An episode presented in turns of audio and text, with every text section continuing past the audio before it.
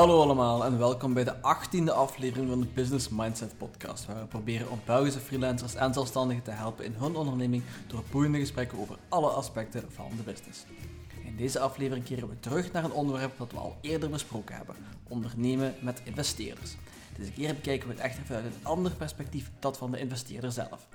We onderzoeken hoe zij te werk gaan bij het selecteren van een investering, hoe ze de waarde bepalen en hoe ze proberen om deze start-up te helpen om te slagen. We voeren dit gesprek met twee ervaren angel investors, Johnny Kegels en Philip Smet. Johnny Kegels studeerde TEW aan de KU Leuven en startte tijdens zijn studies het bedrijf PR Force, dat hij in de daaropvolgende jaren deed uitgroeien tot een van de snelst groeiende bedrijven van België. In 2002 verkocht hij zijn onderneming aan een Brits bedrijf en werkte vervolgens vijf jaar bij zijn overneming. In 2008 startte hij dan zijn eigen investeringsbedrijf, SGVO, Slim Geld voor Ondernemers. En sindsdien investeerde hij al in verschillende bedrijven zoals OrthoGrow, GrowForce en Gimme. Philip Smet startte zijn eerste bedrijf Interhost Solutions op zijn 23ste. Interhost is vervolgens snel omgevormd tot Lemon Companies en groeide tot een bedrijf met meer dan 35 werknemers. Tijdens zijn traject stapte Philippe mee in verschillende startups en richtte in 2020 Road 21 op om deze bedrijven in samen te brengen. Road 21 omvat ondertussen meer dan 150 werknemers en stond aan de basis van startups zoals Rond, Stretch, Dynamit en Noah.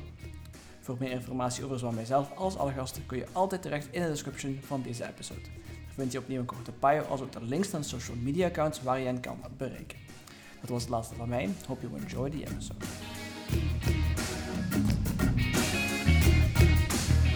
Ja, ik vind het wel leuk om over dat ondernemen ook zo uit te babbelen. En de verschillende generaties. Hij hij heeft blijkbaar ook opgericht vanaf nul. Ja. Ik heb bij mij hetzelfde. Dus ik denk dat we daar wel veel over gaan kunnen Oh babbelen. ja, kijk, dat is, eh, dat is, dat is Mhm. daar een mooi begin. Ehm, En ook servicebedrijf eigenlijk. Hè. Dus op zich is dat echt exact hetzelfde als, Ja. als bij ons. maar jullie zijn het ondernemen gepasseerd, jullie zijn nu aan het investeren. Eh, Oh, ik ben ook nog aan het ondernemen. ook hè. nog een ondernemen. Dus daar hebben we een wisselwerking tussen, eh laten we zeggen, ik ben dan de junior, dat is dan de medior en dan eh, on- onze, Voilà. onze ervaren. Ik zal niet zeggen senior, want dat uh, Hou het op ervaren. hou het op ervaren. Natuur. ervaren. Kijk, eh, oh, dan kunnen we eigenlijk, denk ik, alle, alle aspecten van het, eh, van het onderwerp kunnen we, kunnen we wel goed, eh, goed eh, belichten, denk ik dan. Dus dat is, dat is al mooi. Ehm, misschien eens beginnen met de eerste vraag eh, van, eh, van puur investeren. Ehm, hoe zijn jullie ermee begonnen met te investeren? Want op zich, begonnen als ondernemer, je begint aan een bedrijf waar je gelooft en je start dat op. En op een gegeven moment kom je op een punt dat je zegt van kijk, nu is bedrijf, of dit bedrijf of bedrijven in het algemeen is niet meer wat ik zoek, niet meer waar ik mijn voldoening uit haal. Dus hoe begin je dan met, met investeren?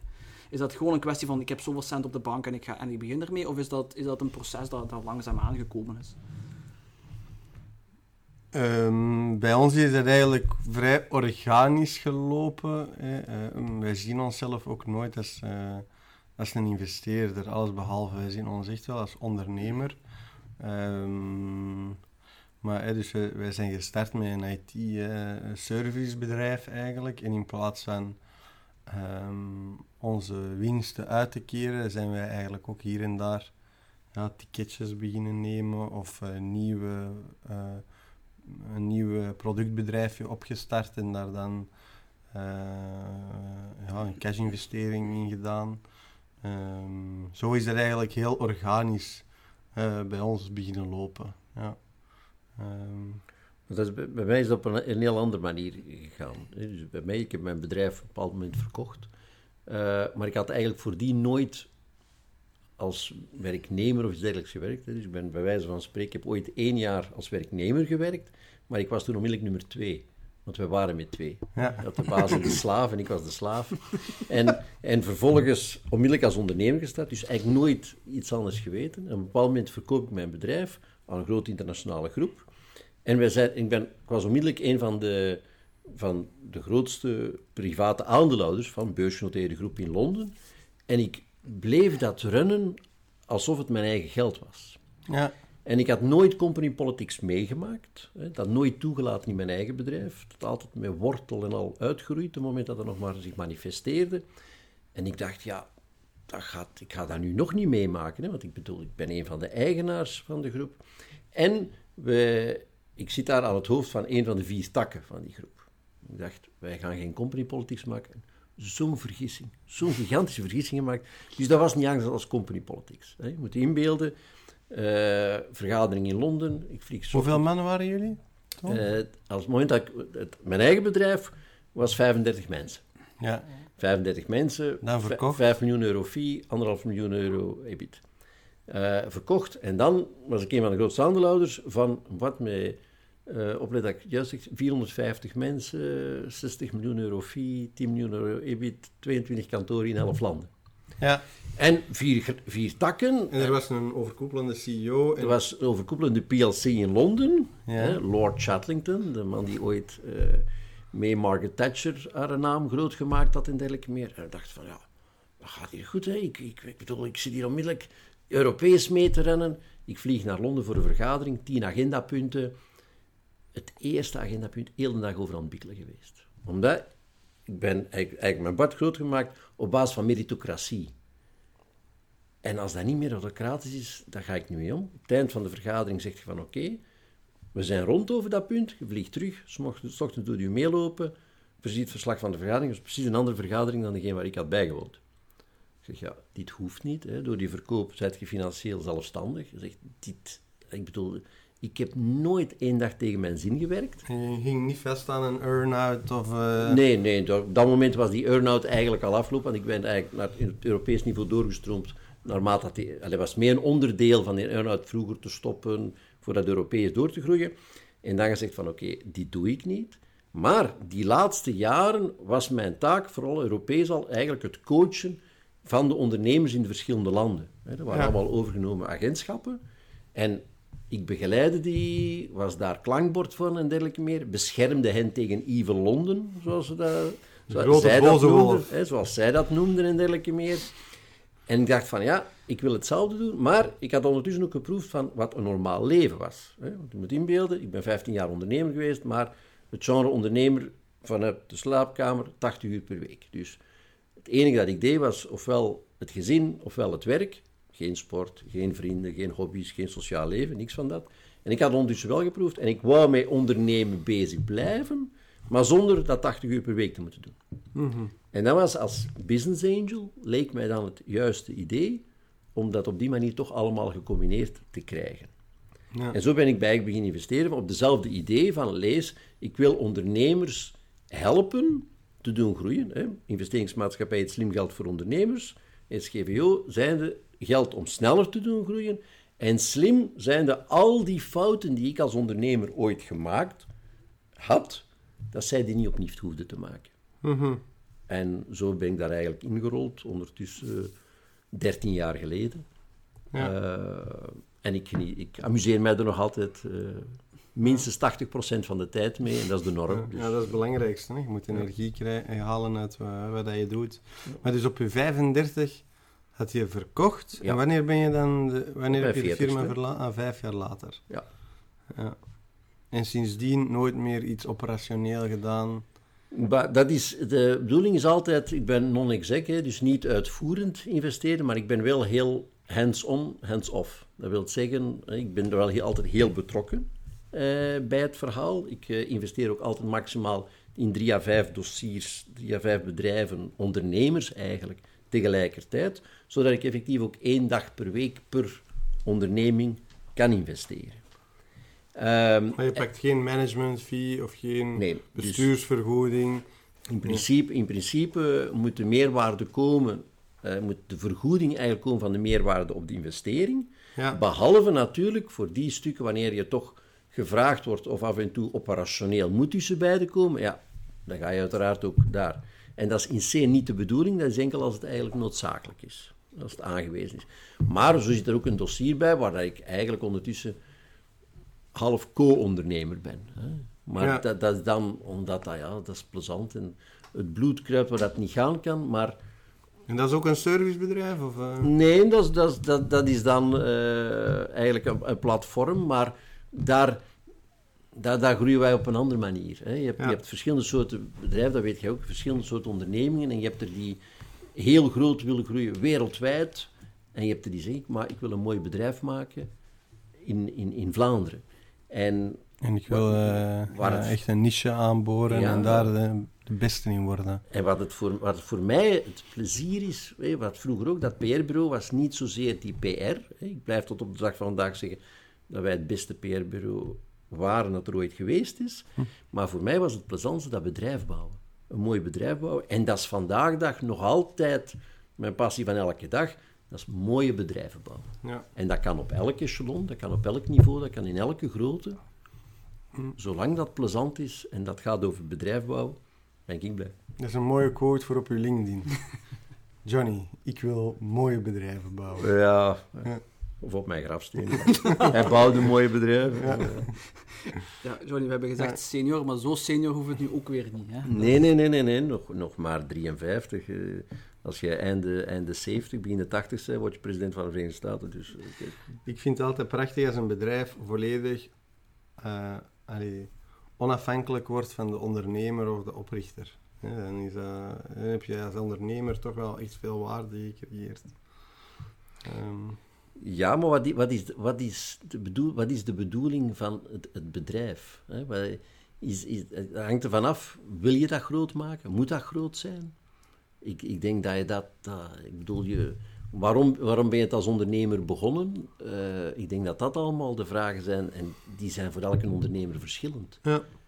Ik, ik vind vandaag de dag, bij veel ondernemers, vind ik scheef gegroeid. Vandaag de dag, ik denk dat, bij jou zie ik dat ook, bij mij was dat, de ondernemer, ik bedoel, ik heb pracht van dochters, en de, de- mijn, mijn firma was bekend mijn extra kind, hè, zoals men dat dan zegt. Nooit exact, hè, dat zouden mijn dochters mij niet vergeven. Hè. Eh, maar maar vandaag de dag zie je dat niet. Vandaag vind ik te veel te veel ondernemers die ondernemen beschouwen als een lijntje op hun cv. Ik moet ook een start-up gerund hebben, of een start-up begonnen zijn en dergelijke meer. En daarentegen, als je een onderneming start, dat, dat is uw leven en dat moet absoluut een succes worden op het niveau waar jij het een succes vindt. Hè? In plaats van, ja, een onderneming en als het lukt niet, oké, dan stoppen we het en dan doen we iets anders. Of, eh, nee, ah, nee, nee, nee, kom aan. Nee, je moet ermee gaan slapen en mee wakker worden. Hè. Ik denk als je daar niet fulltime op committed bent, op die ene BTW-nummer, ehm, en als je daar niet van wakker ligt... eh, Maar dat, maar dat merk ik vandaag dikwijls te weinig. Hè. Je, je spreekt over committed, dat is zoals hetgene men in Engels zegt, hè, het involved en committed, dat is bacon en eggs. Hè. Het varken is committed, de kip is involved. Hè. Dus als, als, ik, als, ik, als ik investeer in, dat is een goeie, dat heb ik nooit gehoord. Ja, maar als, Ja. ik, als ik investeer in een bedrijf, is, vind ik het, het is de ondernemer die het moet doen. Hè. Ik, Ja. ik heb een blokkeringsminderheid, maar het is altijd de ondernemer of de groep van ondernemers die de meerderheid moeten hebben. Dat, dat, is, dat is een heel duidelijke. En als het goed gaat, gaan, gaan, ga ik het ook goed gedaan hebben als investeerder, maar zij nog beter. En als het slecht gaat, ga ik bloeden, want ik zit er met mijn kapitaal in. Ik, ben, ik, ik doe niet mee aan non-dilutie en, en eh, preferences en, en dat soort toestanden. Ja, dat zijn gevaarlijke... aan- hè, zo, dat- ik ken wel bevriende ondernemers die wel zwaar gescharreld zijn geweest met zo preferred shares en Ah, wel, van die dat- rare contracten Dat, allemaal. dat, doe ik, dat doe ik allemaal niet. Ik zit er met mijn eigen kapitaal in, maar ik wil wel dat als het misloopt, die een ondernemer ook afschiet. Hè? Dat ik niet alleen bloed, dat we alle twee bloeden, bij wijze van spreken. Het gaat goed, voor hem gaat het beter, het gaat slecht, voor hem gaat het slechter. Dat is, dat is je met, en er zijn er vandaag dag veel te veel ondernemers die willen starten, maar ja, dat moet onmiddellijk een, een grote pre zijn. En, maar nee, allee, dat, dat, dat, dat, dat is niet ondernemen. Alles in convertible loans of allemaal van die... ja, de- Ja, nee, maar dat is jammer. Ik moet daar minstens zoveel fee kunnen factureren. Ja, maar ho, je bent toch ondernemer? En wat brengt je zelf in? Ja, mijn kennis en mijn ervaring. Ja, maar nee, allee, kom. Een beetje serieus zijn. En Ja, en dat is ook omdat het wel- een beetje allemaal te veel gehyped is, denk ik. En Veel er is ook veel. veel te veel geld in de markt. Absoluut. Dus dat is gewoon de combinatie van, van Ja. die twee eh, En, en men wil factoren. Men, men- allee, men wil iedereen ondernemer maken, bij wijze van spreken, terwijl men beter zou inzetten op zoveel mogelijk mooie ondernemingen te maken. Ja, En het een is niet hetzelfde als het ander. nee. Maar bon. Maar dat ik wel merk is soms dat mensen, te, of, onder, of jonge ondernemers, soms te weinig lange termijn visie hebben. Hè? Of, ehm, of te snel denken aan een, aan een exitplan. Of, eh, Ja, maar dat, maar, is ook, maar dat hetgeen dat hen opgelepeld wordt. Hè? Men, men, men, men begint vandaag een onderneming en de meesten zijn onmiddellijk bezig met geld ophalen. Dus ik, ik bedoel, de ziekte, de ziekte, vroeger als ik een bedrijf had, hoorde ik bij veel bedrijven was het probleem, als ze spraken over hoe succesvol is uw bedrijf, Omzet werd, maken. nee, dat werd afgemeten op hoeveel mensen hebt je. Ja, Maar ook volledig verkeerde metric. Ja, ik had zoiets van, hoeveel onder- mensen hebt, liefst zo weinig mogelijk. Als hè. ondernemer wens ik eh, niet, u niet veel personeel toe. Ik wens Ja, u veel EBITDA toe. Dat zie hè. ik ook altijd. Hè, dus liefst zo weinig mogelijk mensen. Hè. Vandaag de dag is dat veranderd in hoe, groot, hoe goed is je onderneming, hoeveel geld heb je opgehaald. Ja, maar nee, ik bedoel, hoeveel betalende klanten heb je, hoeveel winst maakt je daarmee, of hoeveel groei zet je neer en dergelijke meer. En, maar natuurlijk, op het moment dat je geld begint op te halen, ja, dan is het probleem dat veel van die investeerders willen er op een bepaald moment ook uit. En dan zit je, ik bedoel, seed, Series A, B, C, D. Ik bedoel, dat bestond vroeger allemaal niet. Allee, dat bestond toen wel, maar dat was voor een aantal bedrijven de juiste piste. Vandaag is dat precies voor elk bedrijf de absolute piste. Precies alsof dat je moet geld ophalen, veel geld ophalen, snel doorgroeien. Nee, dat hoeft niet. Maar dat is wel een beetje, denk ik, de fout van de, eh, ja, van de pers, van de media. Tegenwoordig, dat komt ook zo in de krant. Je bent succesvol als je een aantal miljoen euro hebt opgehaald. En, ehm Allee, bon, je, u hebt in PR gezeten, dus je weet dat je de groot alles eh, waarschijnlijk de wereld in kan sturen. Maar eh, eh, in PR gezeten hebbende, ben ik ook de eerste om te zeggen van, je, allee, het is te gemakkelijk om dat op de media te steken. Hè. Het zijn de mensen zelf die het nog altijd doen. Hè. Ik bedoel, ik, ik reken nooit iemand af op basis van hoeveel geld heb je opgehaald en dergelijke meer. Het zijn de andere mensen die dat doen. En op dat vlak, in, in Vlaanderen niet helemaal, is dat, moet je daar al enorm mee opletten. Hè. Want ik bedoel, men gunt u succes, maar men kijkt vooral eerder uit naar als het misloopt. Hè. Dus eh, we leven in een judging maatschappij. ja, en, dat, is, en dat, dat vind ik zonde. Ik bedoel, als, als iemand dat goed doet, dus te beter voor hem of voor haar. Sowieso, sowieso. Ja, dat volg ik eh, volledig. Maar jij blijft ondernemen. Inderdaad, ik ben nog eh, ondernemer eh, puur stang. Dus ik heb, eh, ik heb ook een jaartje als loonslaaf gewerkt. Ja. Juist hetzelfde. Eh, want waar, waar, heb, jij gestudeerd, Johnny? Ik heb ooit, dat is, dat is een heel, ik heb ooit een graduaat communicatiewetenschappen gehaald, hè, wat dat ze nu professionele Ja. bachelor noemden. En ik heb dan vervolgens, terwijl ik het eerste jaar werkte, het tweede jaar mijn legerdienst deed en de eerste drie jaar dat ik mijn eigen zaak had, eh, een licentie handelswetenschappen gehaald in avondonderwijs. Ja, ook Wat dat handig was, want dat was dan gratis fiscaal advies. We kregen les fiscaliteit. Ik was altijd de student die het meeste vragen stelde. De, tot de prof mij op een bepaald moment zei, maar dit gaat helemaal niet over de leerstof. Ik zeg, nee, maar het is wel nodig voor mijn boekhouding. Ja, en ben je even gratis consulting aan het doen. Voilà. Dan kan je even kijken naar deze casus. eh. Dus eh, wij was de combinatie communicatie en handelswetenschappen. eh, Ja. Communicatiewetenschap heeft ervoor gezorgd dat ik eigenlijk PR-bureau begonnen ben. En de handelswetenschap heeft er meer voor gezorgd dat eigenlijk mijn interesse vooral was in daar een mooi bedrijf van te maken. Ja. En bij u? Hoe is het bij u gekomen? Eh, dus ik heb handelsingenieur gestudeerd en dan, eh, dan een jaartje bij IBM gewerkt en van daaruit eh, daarna beginnen ondernemen. Eerst, maar altijd in IT-service eigenlijk. Eerst begonnen met een hostingbedrijf, dat is dan geëvolueerd naar een software development bedrijf.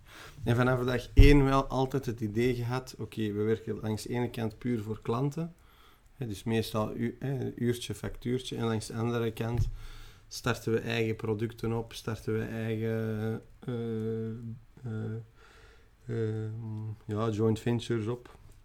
En in het begin waren dat heel kleine financiële tickets, in combinatie dan soms met sweat equity of, Ja. of zelf dingen oprichten vanaf nul. Heel veel van geleerd.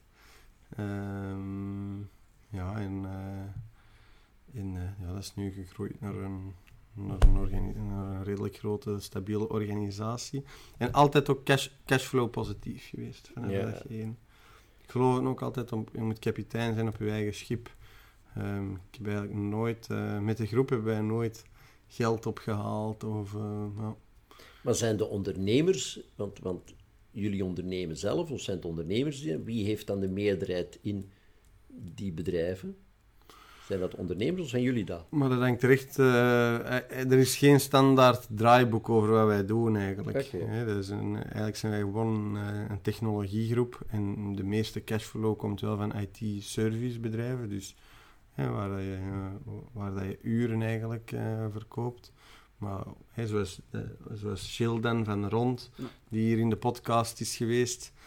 Ja, hoe is dat gekomen? Dat is, heel, ehm, dat is, een, dat is een bedrijf in, in slimme stopcontacten en switches.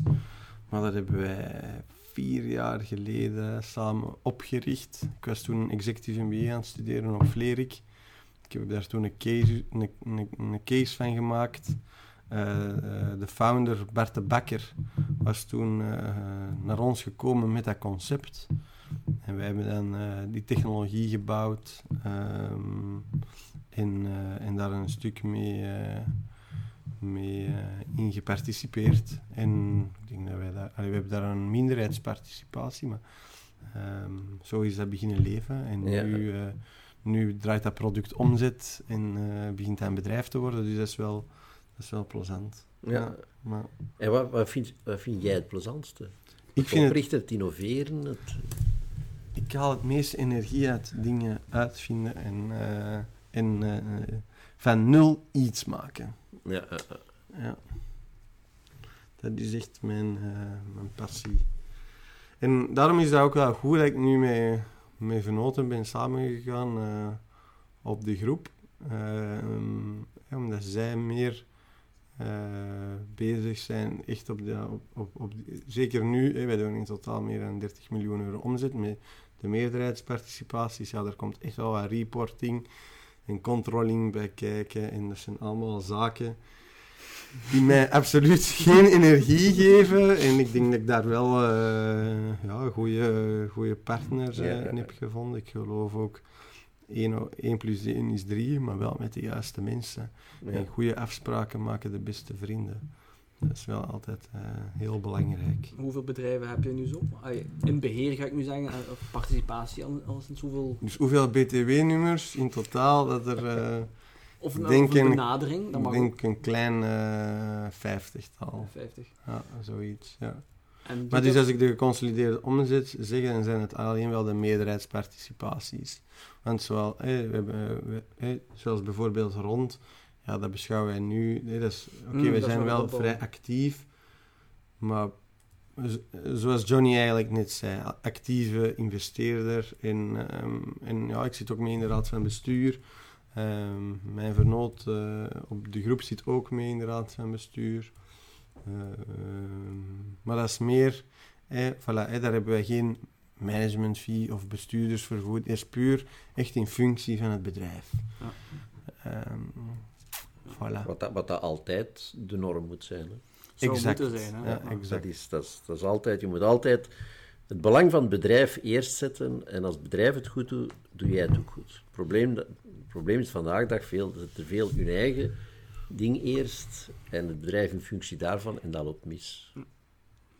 Dus- Waar, waar laten jullie op als jullie zo een, een nieuw bedrijf zien? Of iemand, of iemand komt naar jullie toe en zegt van kijk, dit of dit zou ik eens willen, willen bespreken of voorleggen aan jullie. Eh, of ik, ik zoek geld, dat moet, moet daarom nog niet letterlijk gezegd zijn. Maar waar kijken jullie naar als jullie een, een starter voor jullie hebben? Maar als er, ik, zeker als het gewoon een idee is, zeg ik ook wel, een idee is maar een idee. Het draait allemaal rond implementatie, de tijd en het geld dat je erin steekt. Maar, dus ik geloof niet echt in ideeën, ik geloof ook niet, niet in businessplannen, zeker niet wanneer dat er nog niks is opgericht. Ehm, denk ik altijd puur executie, executie, executie. Hoe een harde doener is die persoon. eh, in plaats van een denker. Zeker als je vanaf nul iets opstart, moet je, je, je, je moet, je, moet dat, je voelt dat wel, die passie. Eh, en je kunt dat wel een beetje kweken, maar ja, ik heb ook veel van die, van die start-ups die, die ik nu, nu nog altijd zie terugkomen en die nog altijd met hun slide deck komen vragen achter input. En dat is een heel andere slide deck dan zes jaar geleden, maar het is nog altijd maar een slide deck. En dan denk ik, ja, je hebt al twintig keer een slide deck gemaakt, maar begin nu gewoon eens met iets te doen. Hè? Er zijn er heel veel die heel goed kunnen pitchen, uh, maar dat spijt genoeg dat dat hetgeen is waar dat ze het best blijven doen. Hè? Ja, en nooit een euro verkocht krijgen aan een klant. Ja. dus dat is voor mij... Het team is altijd alles. Zeker wanneer dat er nog niks is, hangt het allemaal af van de mensen. Dus dat idee... Als je dat zou zien procentueel, geef ik dat idee misschien 10 of 20 procent van de totale cumul. Uh, en de, het grootste percentage geef ik echt wel echt aan de mensen dat erachter zitten. En omdat die uh, 100% gefocust gaan zijn ook op die BTW-nummer of die start-up. Dat is, nee, ik kan, ik kan daar eigenlijk kan alleen maar bevestigen. Het, het, zoals dat je zegt, van, het is executie, executie. Je hebt ook die zeggen, hetgeen dat ik daar graag voor gebruik, succes is 10% inspiratie en 90% transpiratie. Uh, en ik, ik hou me het liefst bezig met die inspiratie, dat is dan het voordeel als business Dus jij zit in die 10%. Inspiratie. Daarom dat je geen bestuurdersvergoeding hebt. Wel, dat helpt. Hè, dat helpt.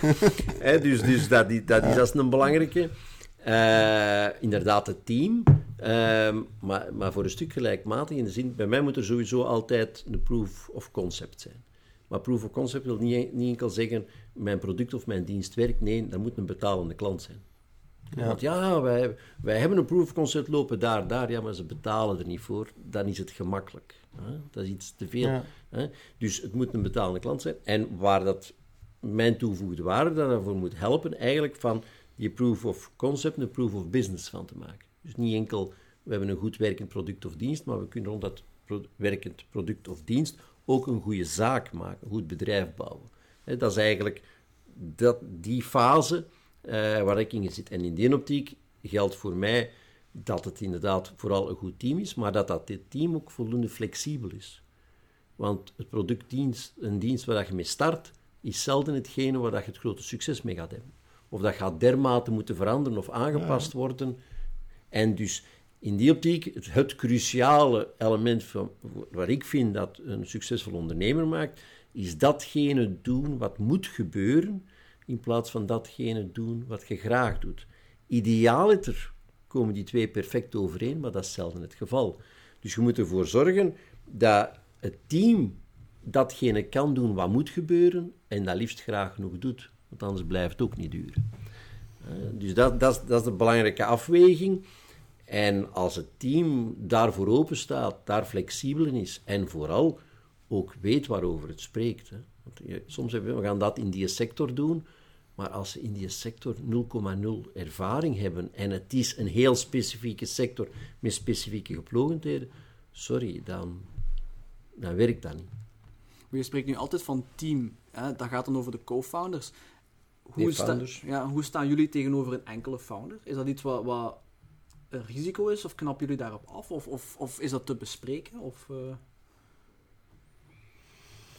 Goh, ehm, als je dan puur als investeerder ziet natuurlijk, is dat natuurlijk een veel groter risico. Hè? Want als die persoon tegen een boom rijdt of, eh, of eh, die beslist toch om eh, naar de Caraïbe te verhuizen en daar op een eiland te gaan liggen. Ja, dat zijn... allee, dat is procentueel gewoon veel gevaarlijker om dan achteraf met een lege doos te blijven zitten. Want, hè, zo- zoals we daarnet zeiden, het draait allemaal rond de mensen. Ehm, als echt nog helemaal in oprichting is, ehm, een team verandert toch. Afhankelijk van hoe dat uw bedrijf eh, groeit, uw equity-structuur. Ik geloof ook niet meer dat een dag van vandaag dat je ene keer een equity-structuur bouwt en dat dat voor de komende 30, 40, 50 jaar dezelfde equity-structuur gaat zijn. En cours de route komen er, of gaat je bedrijf andere noden nodig hebben, andere soort profielen, die je dan op een goede manier mee in het kapitaal moet betrekken.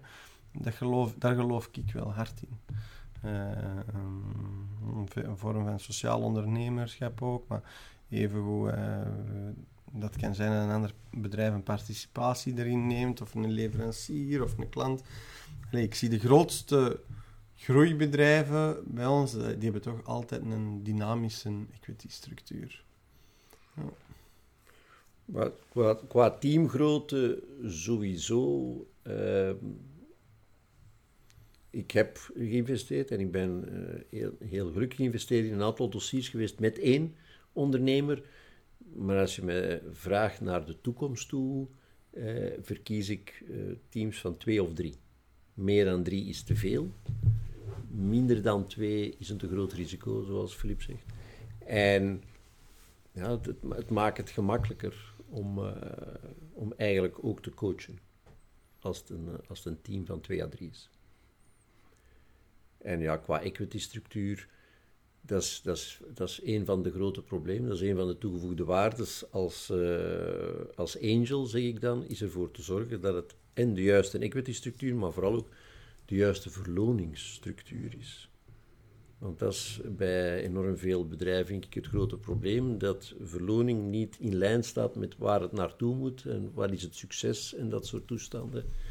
Dat is een van de cruciale punten, vind ik, dikwijls de juiste structuur daarvoor opzetten. En hoe pak je dat dan, hoe pakken jullie dat dan juist aan? Bij mij is dat afhankelijk, eigenlijk altijd afhankelijk natuurlijk van het soort van bedrijf dat je hebt, maar ik ben, ik ben sowieso altijd een grote fan van alles wat dat variabel is. Mhm. Variabilisering, of dat er nu gaat over je kostenbasis, of dat dat gaat over je verloningsstructuur. Je hebt eh, hoge fixes, dat is niet goed. Hè. Hoge dat- vaste kosten is niet goed, is hoge vast loon is ook niet Er goed. is niks zo erg dan een start-up met direct al eh, drie eh, zware profielen met hoge management fees.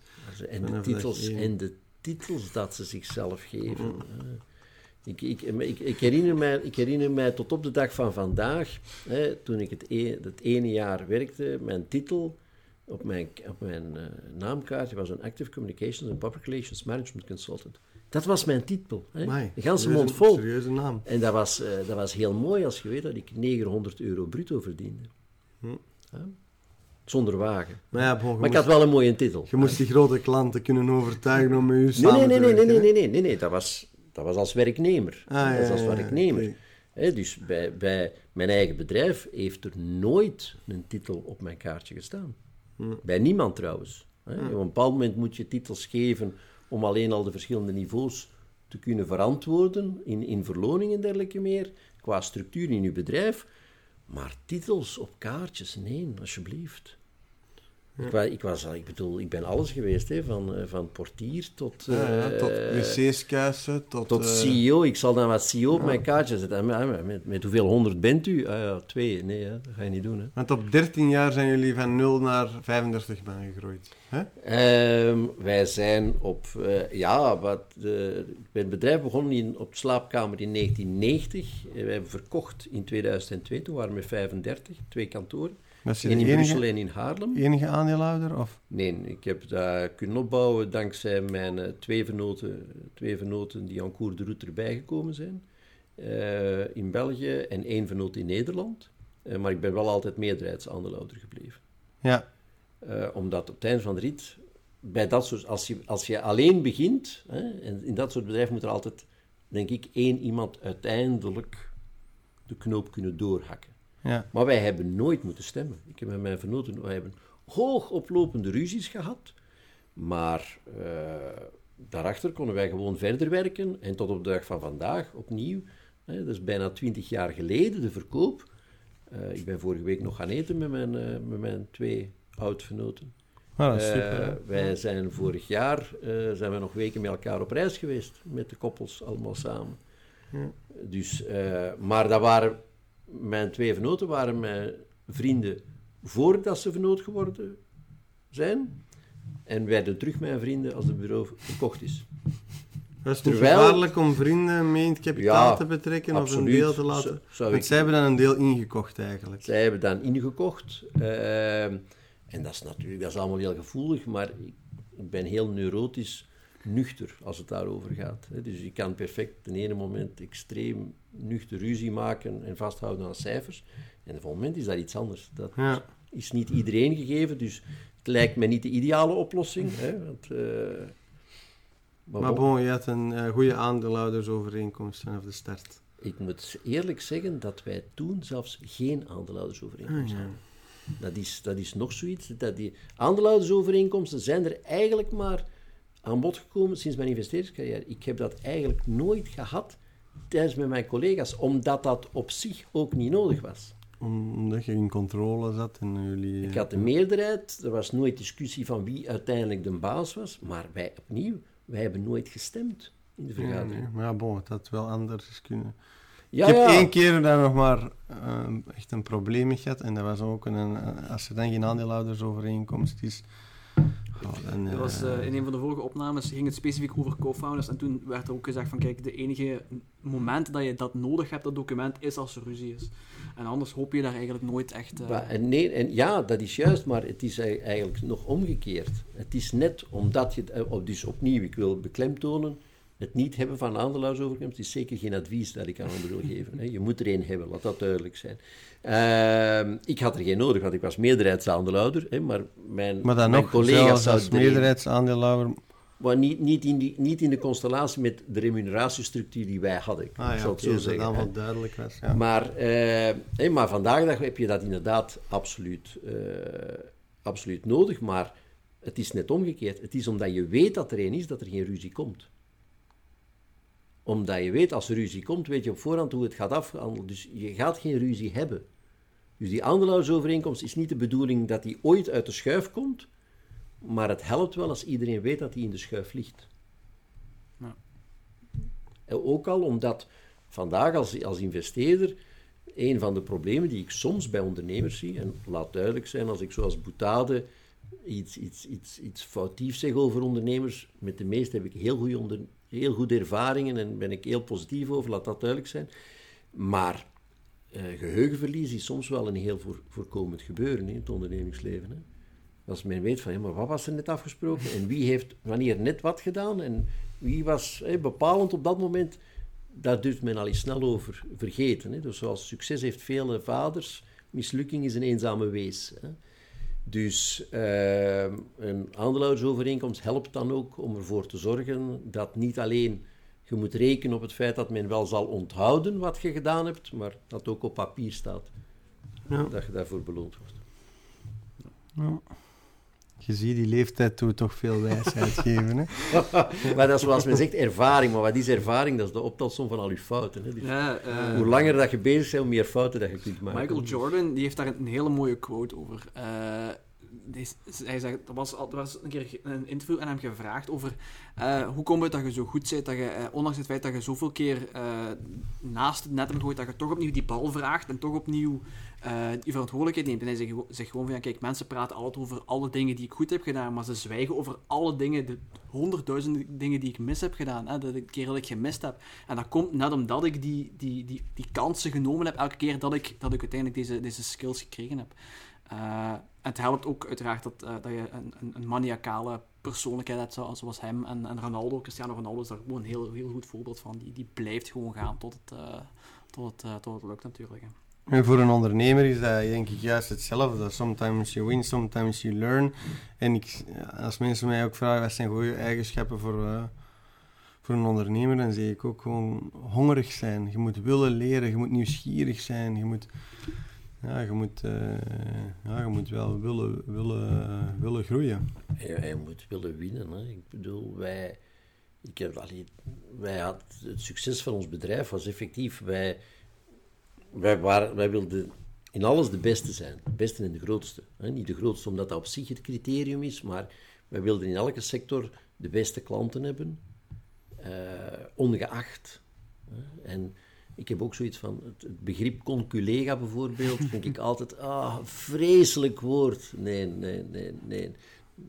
Nee, Echt? Oei, allemaal dat zeg ik ook concurrenten. Nee, nee, nee. Ik, ik, eh, tot op de dag van vandaag huiver ik van dat woord. Echt? Want Ja. wij zijn dat denk ik, hè? niet? Tot op zekere hoogte toch? Ja, misschien wel, hè? Ja, inderdaad. Ja. Ja. Ja. Wat, dat- wat, opnieuw, Ik, eh, ik kan perfect overeenkomen met concurrenten. Hè. Daar, daar geen, geen probleem van. En vandaag dag is dat uiteraard hetzelfde. Als business angel ben je geen concurrent van andere business angels. Hè, omdat je daar hè, samen in syndicaat gaat investeren en dergelijke meer. En el- elkaar kunt aanvullen.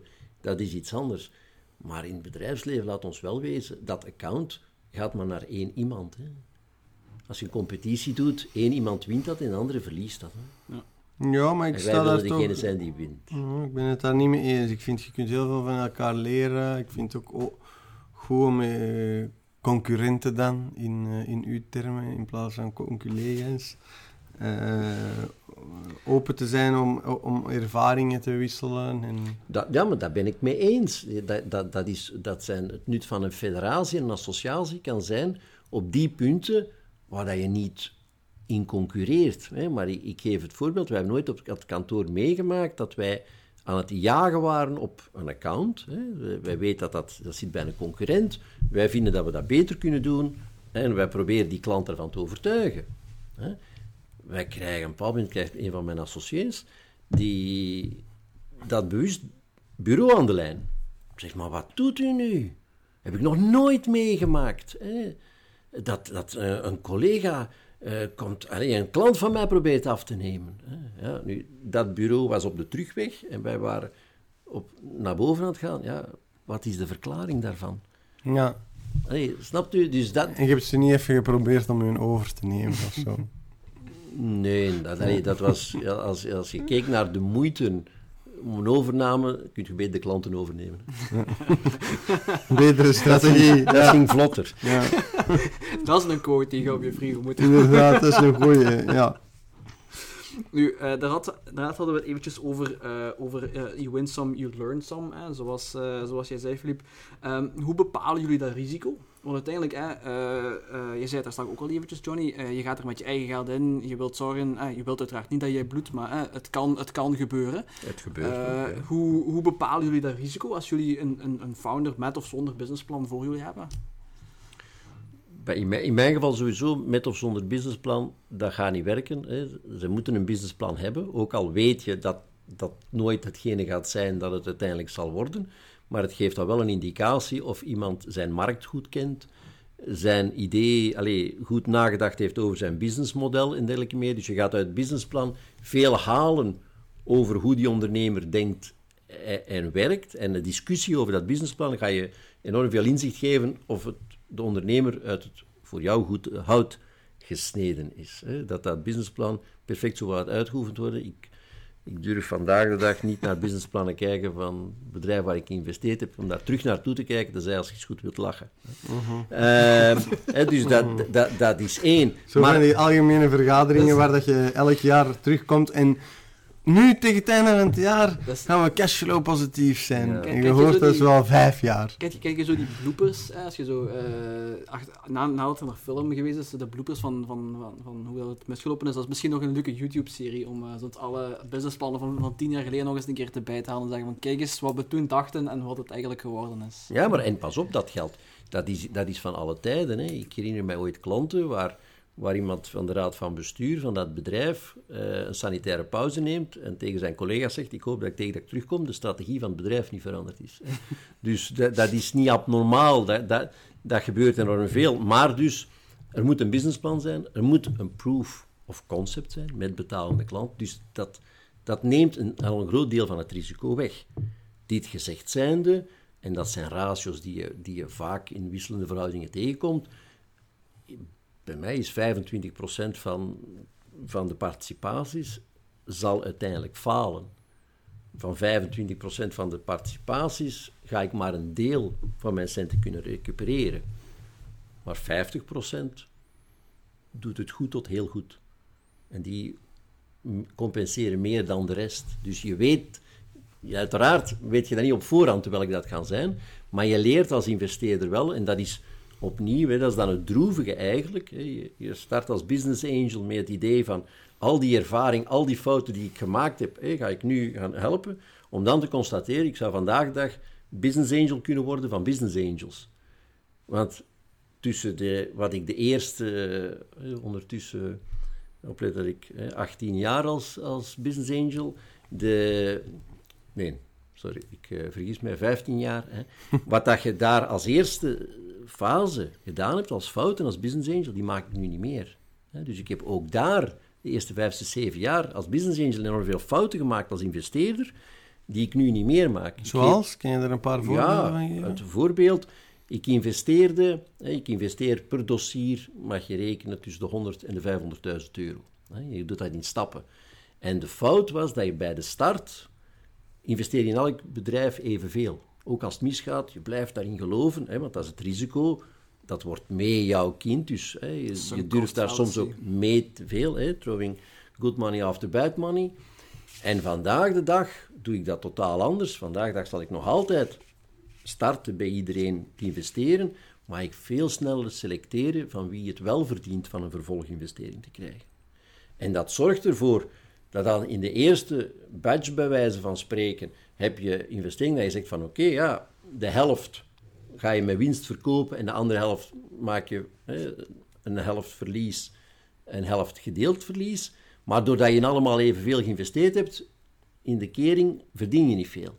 Terwijl dat daarentegen, als je ervoor zorgt nu dat diegenen die mislopen, ook diegenen zijn waar je het minst in geïnvesteerd hebt, dat diegenen die goed gaan, diegenen zijn waar je het meest in geïnvesteerd hebt, dan maak je als business angel net wel rendement. Maar opnieuw, ook daar weer, ik heb vijf, zes jaar aan business angel investeringen nodig gehad om de nodige lessen te pakken van hoe kan ik inschatten welk bedrijf wel en niet. Maar ook, business angel is een fulltime job. Hè. Dat is geen hobby. Hè. Dat Hangt er vanaf niet- hoeveel bedrijven dat je in je portefeuille hebt.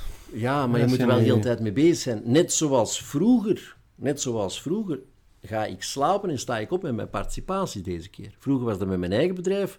Vandaag, als ik ga slapen, ik denk na over dat bedrijf. En ofwel val ik goed in slaap, onmiddellijk in slaap, wat dat goed is voor mijn nachtrust.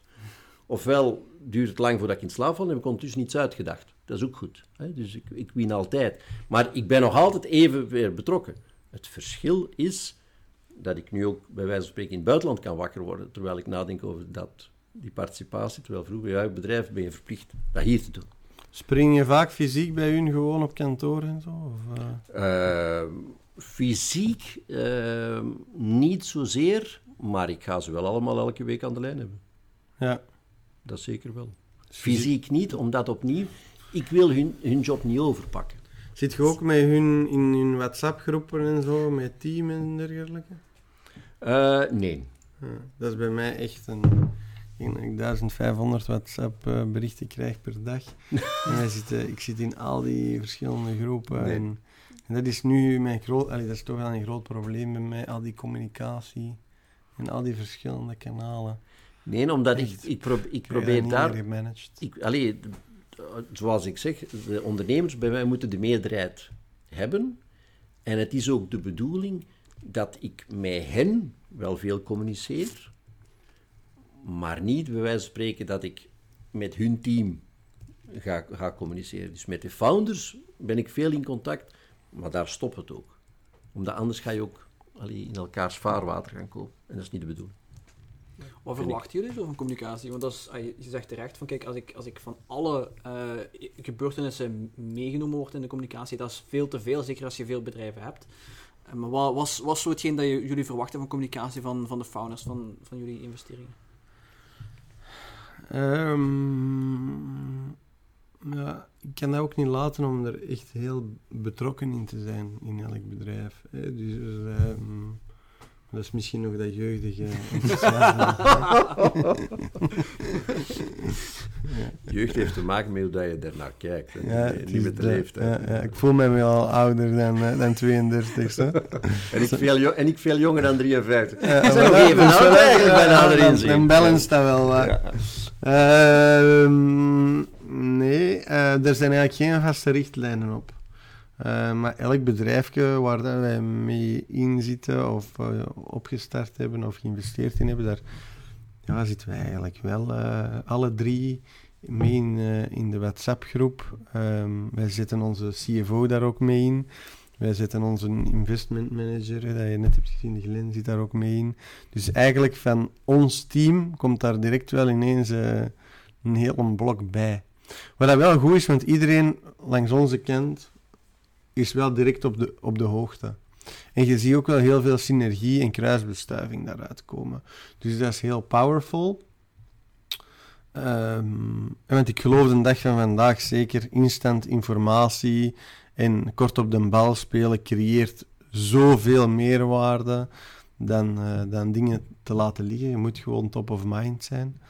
Ehm, maar ik merk wel dat ik nu op een punt ben gekomen dat dat niet meer houdbaar is, omdat, omdat, om dat verder zo te laten groeien. Dus we moeten daar een, eh, een andere manier eh, van werken in vinden. Het, het, va- vaak hangt af inderdaad van hoe operationeel je erbij betrokken bent. Ik zeg, bij mij zijn dat gradaties bij de participaties. Er is een bedrijf waar ik mij eerder co-ondernemer beschouw dan, dan business angel. Bij dat bedrijf bijvoorbeeld zit ik mee in de slak met de developers. Ik ga daar zelden iets nuttig in toevoegen, maar het is wel nuttig om een vinger aan de pols daar te hebben hoe de development loopt bijvoorbeeld. Dat wel.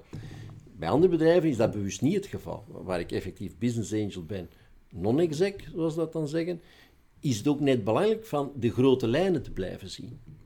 Als, je, als, ik, als ik, uiteraard, men mag mij 24-7 eh, lastigvallen en bellen en contacteren om, als klankbord om, om iets te pingpongen, om, om even, even uit te razen als ze God mag weten wat hebben meegemaakt met medewerkers bij wijze van spreken. Geen enkel probleem. Maar in C, over de nitty-gritty operationele, ga ik mij niet bezighouden. Tenzij dat dat een issue is in dat bedrijf. Dat moet aangepakt worden. Maar voor de rest is het net van belang om die grote lijnen te zien. Omdat, zeker vandaag de dag, waar dat alles geglobaliseerd is en dergelijke meer, elk probleem dat je vandaag de dag tegenkomt, of elke oplossing die je voorziet, is al eens ergens anders tegengekomen of is al eens anders meegemaakt. Dus het is mee mijn taak om bij wijze, allee, ik geef een voorbeeld, een van mijn grootste hobby's, bij wijze van spreken vandaag, is het lezen van de FT of van The Economist. Dat zijn twee publicaties waar ik vroeger als ondernemer simpelweg de tijd niet voor had om die... Nou, dat is bullshit, hè? dat is Nee. tijd maken. Iedereen heeft evenveel tijd in een dag. Ja, Het hangt er vanaf waar je je tijd in allokeert. Ja, daar ben ik mee eens. Maar dat is het tijd allokeren van wat doe je als binnen uw bedrijf. En binnen, het, binnen mijn bedrijf, toen ik zelf ondernemer was, maakte ik daar geen tijd voor. Vond ik dat ik daar geen tijd voor had, omdat de andere dingen eerst kwamen. Hè? En Maar vandaag... dat is puur een keuze. Dat ik toen ook eens. een keuze. Maar daar ben ik mee eens, dat is een keuze. Maar ik zie vandaag dat, desalniettemin, dat als je mij vraagt hoeveel ondernemers vandaag de dag die Economist echt lezen, dat zullen er een heel beperkt aantal zijn.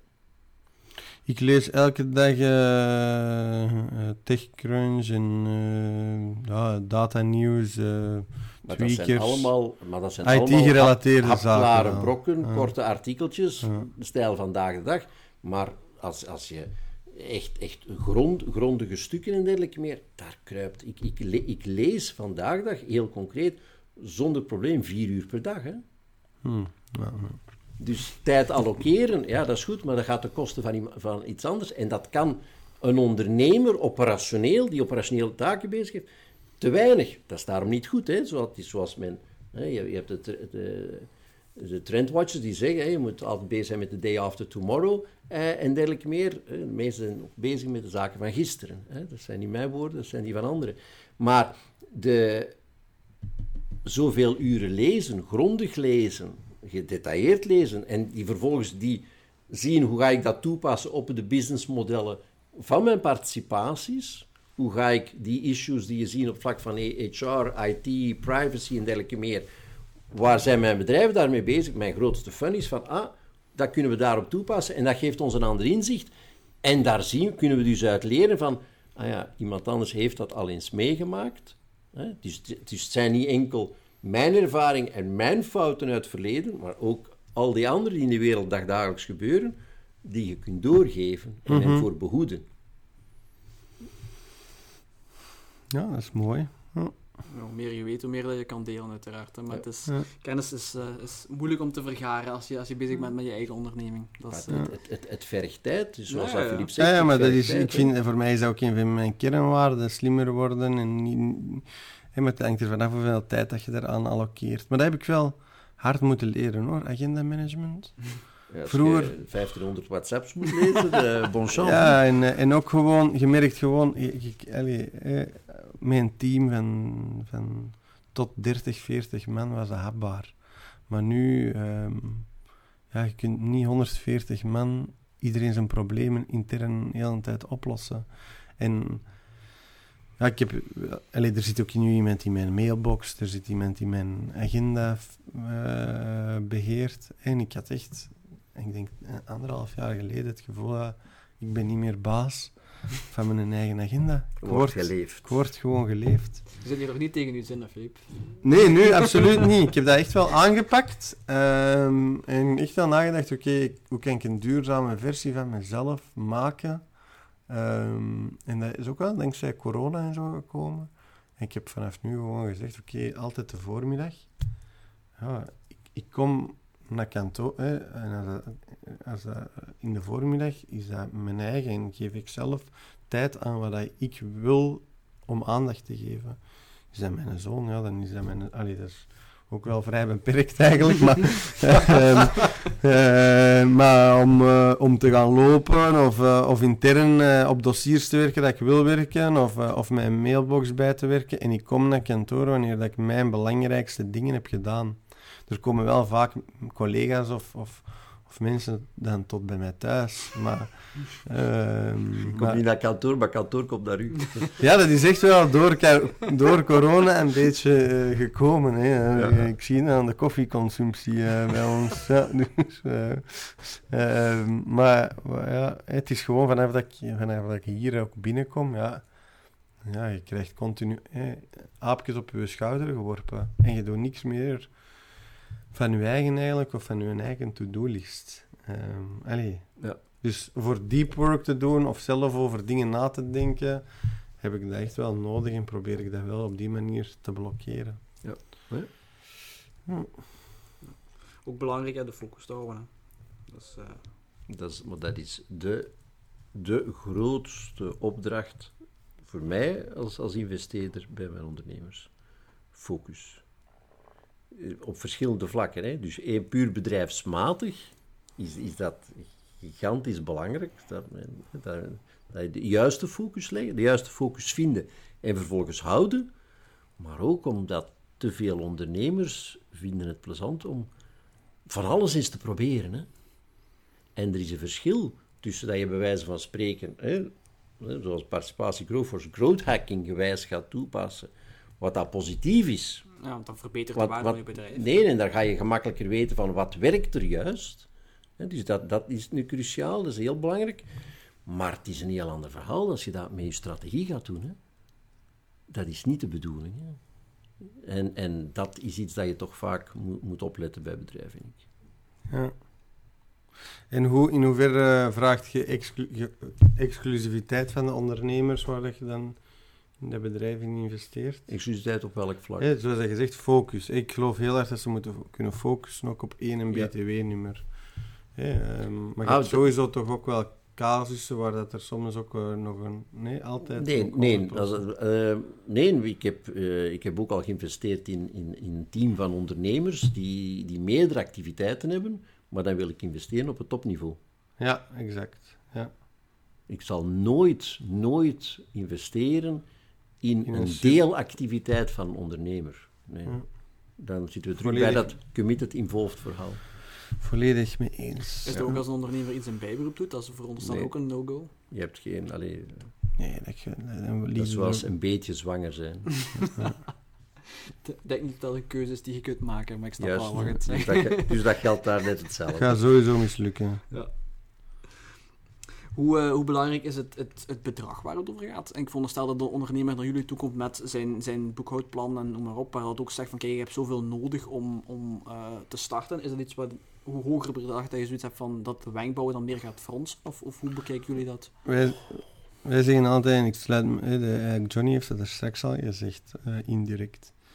Maar ehm, het, de andere partij moet ook bloeden als het mislukt. Hè, dus, eh, en voor iedereen is dat een ander, voor, allee, dat is altijd een ander, dat is een ander bedrag. Hè, ehm, maar iedereen moet genoeg pijn voelen. Ehm, en ik, we zeggen vaak, ja, ballen op tafel liggen. Hè. en, eh, eh, en voor... eh, Dus de quote op uw, op uw, op uw grafsteen laten laten. Eigenlijk, de ballen op tafel liggen. We gaan hier, we gaan hier dat valt nog wel mee, want ik ben eigenlijk een vrij risico-averse ondernemer wel. Ehm, maar ik hou er wel van als andere mensen ook mee hun ballen op tafel liggen. Nee, maar dat, Dat, dat- dat, dat maakt voor mij ook een, geeft voor mij ook een goed gevoel om, om die van mij er ook mee bij te liggen. Nee, maar, dat- maar, dat, dat- maar daar ben ik het mee eens. Nu, nu ik, ik denk sowieso, het, soort, het, het bedrag opnieuw hangt er vanaf wat zijn de ambities van de ondernemers uiteindelijk? Hè? Want welke markt wilt je? Wat, bedoel, daar heb je geen vast bedrag op. Ehm, wat ik wel altijd van belang vind, ik wil dat, dat verhaal samenschrijven met die ondernemers. Hè? Dus mijn, mijn aanwezigheid is niet zo vrijblijvend van, ah, dat is een business angel en die investeert wat en die heeft op die manier, hè, doet hij iets terug voor de maatschappij. En, nee, het is de bedoeling wel degelijk dat ik samen met de ondernemers dat bedrijfsverhaal schrijf. Dat wil zeggen dat ik de facto daar ook voldoende zwaar in moet kunnen wegen. Om verschillende redenen. Ik moet er voldoende in kunnen investeren, omdat aangezien het van mijn meerwaarde moet komen om mijn rendement te halen, moet het bedrag natuurlijk dat je erin steekt ook voldoende groot zijn. Dat is één. Maar twee, je moet ook natuurlijk voldoende lang in, in kunnen wegen om uiteindelijk mee de vruchten ervan te plukken. Dus je moet ook zien hoe, hoe gaat dat nu. Daar zie je. Dus ik, maar is het equity percentage dat je. Het, het, in, principe in principe 20 à 30 procent. Ja. Dus wel een significant Dat is een significant iets, ja. nu natuurlijk, het voordeel is, ik investeer vaak op dossiers die, die aangebracht worden door Ban Vlaanderen. Je hebt dan het stukje cofinanciering, waardoor je inderdaad een stuk extra financiering via kan bieden. PNV. Via PNV, dat je op die manier toch extra financiering hebt, één. Je hebt daarvoor een stuk ook het fonds. Hè. Ik zit ook in het Triple E-fund, waar je ook eigenlijk daarvan een stukje VC geld ook kunt hebben om die business angel investeringen mee te ondersteunen. Maar het is van belang dat je dat bedrijf samen kunt sturen en dat je dan kan kijken, oké, het geld dat we, dat we nodig hebben, wat willen we uiteindelijk? Willen we daar zelf een bedrijf uitbouwen en blijven houden? want ik, heb geen closed, ik ben geen closed-end fund, het zijn enkel mijn eigen centen. Dus als we op een bepaald moment afspreken, dit is een bedrijf dat we willen blijven houden, ik hoef daar niet uit na 6, 7, 8 jaar. Dat, dat hoeft niet, maar dan moet het een bedrijf zijn dat we inderdaad samen tot in de eeuwigheid kunnen, bij wijze van spreken, hebben, plezier aan kunnen beleven, want dat is het belangrijkste, het moet plezant blijven. En dat je op een bepaald moment zegt, het telt niet meer hoeveel keer ik een multiple haal op de ingebrachte equity. Op een bepaald moment wordt het dan, wat is mijn rendement? Uh, dividend. Dat kan. Als het daarentegen een activiteit is dat je zegt, van, wij willen naar world dominance evolueren. Hè? Dat is een wereldbedrijf en je gaat op een bepaald moment inderdaad naar kapitaalrondes gaan, Series A, Series B en dergelijke meer, dan ga je er wel voor op een bepaald moment uit moeten. Hè. Series B bijvoorbeeld, dat is minder uh, mijn ding. Maar dan moet je wel zien dat je al dan niet samen met het fonds van de Business Angels met, tot en met de Series E wel kunt meepraten. Dus dat hangt af van dossier tot dossier. Maar ook van, en je moet daar ook eerlijk met ondernemers over kunnen praten, van wat is de bedoeling van dit bedrijf?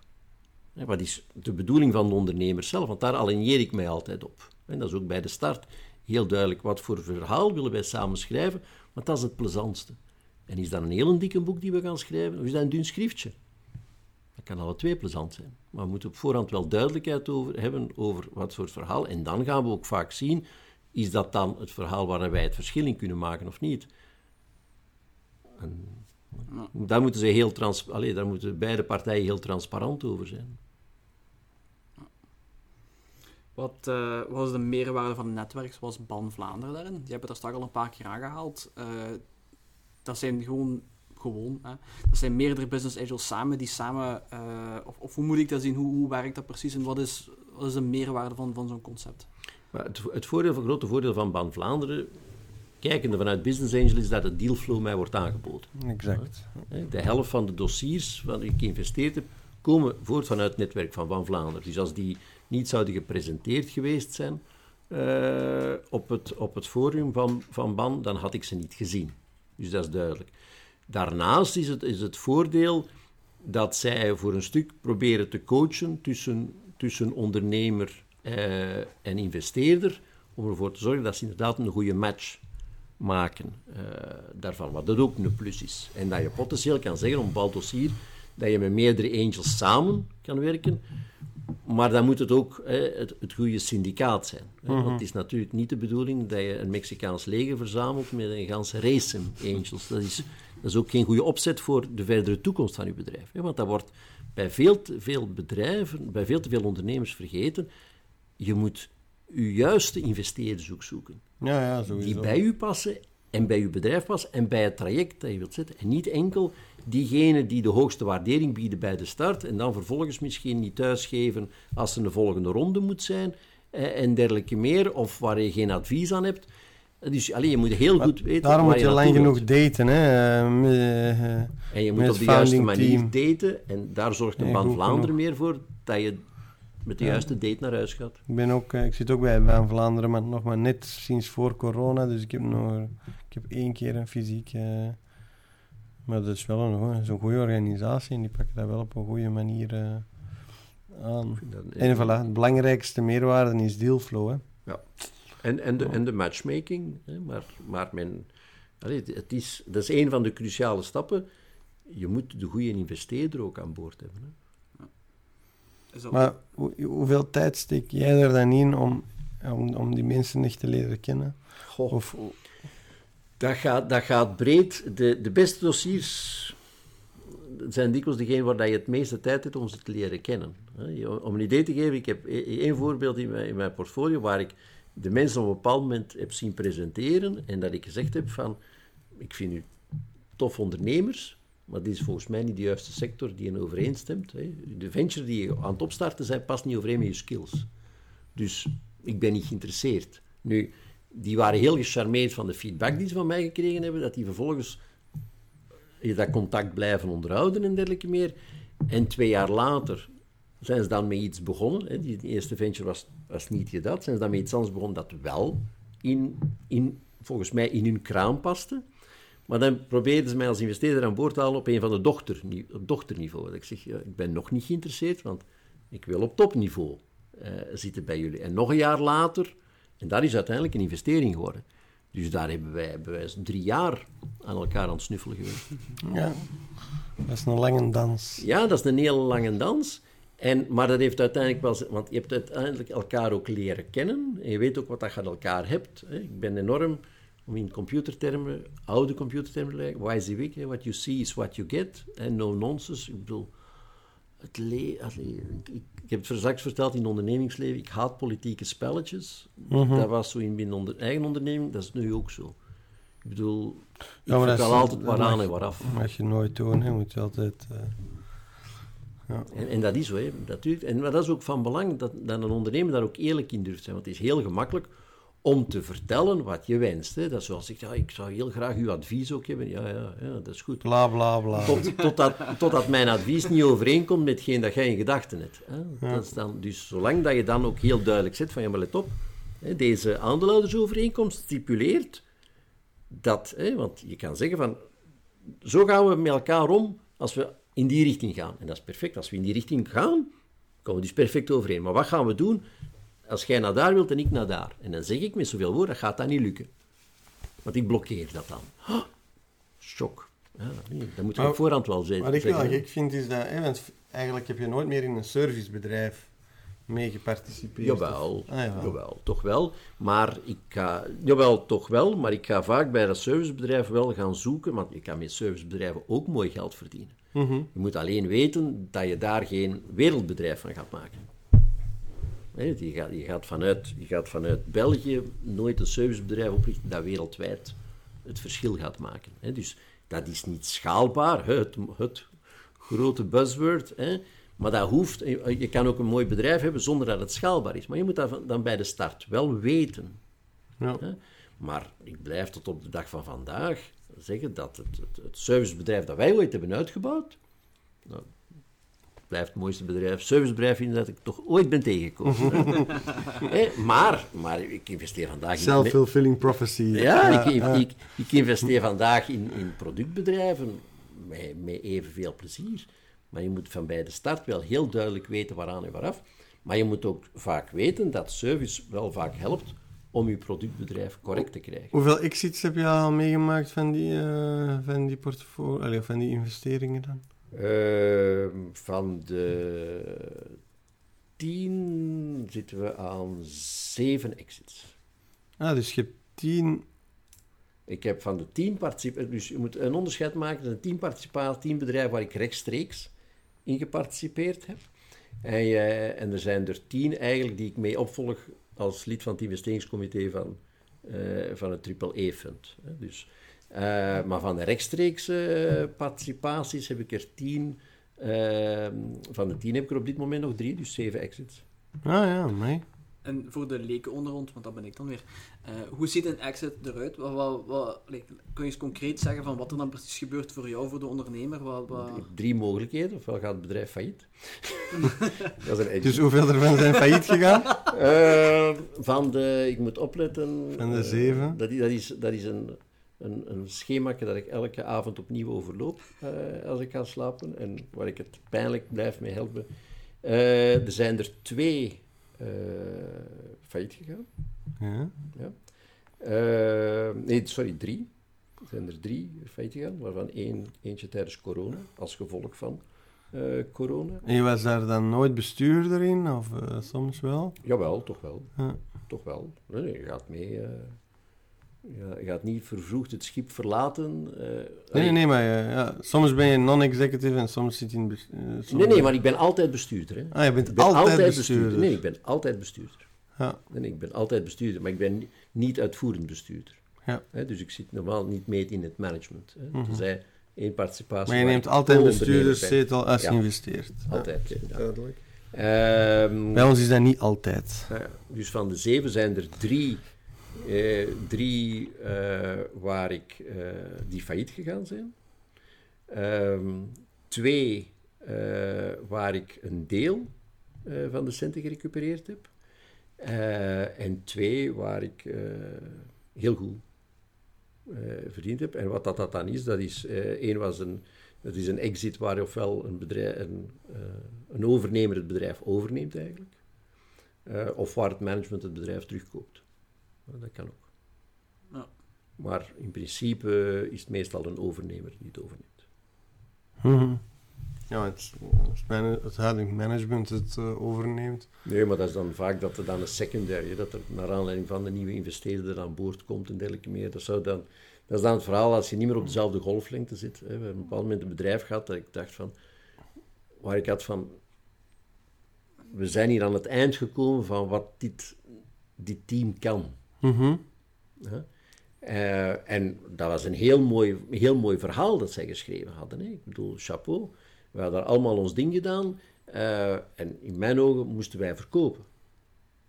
Ehm, het team wou absoluut toch nog verder gaan. Hè? Dus wij waren het niet eens van hoe het dan verder moest gaan. Eh, en dan heeft men ervoor geopteerd van andere investeerders aan boord te halen.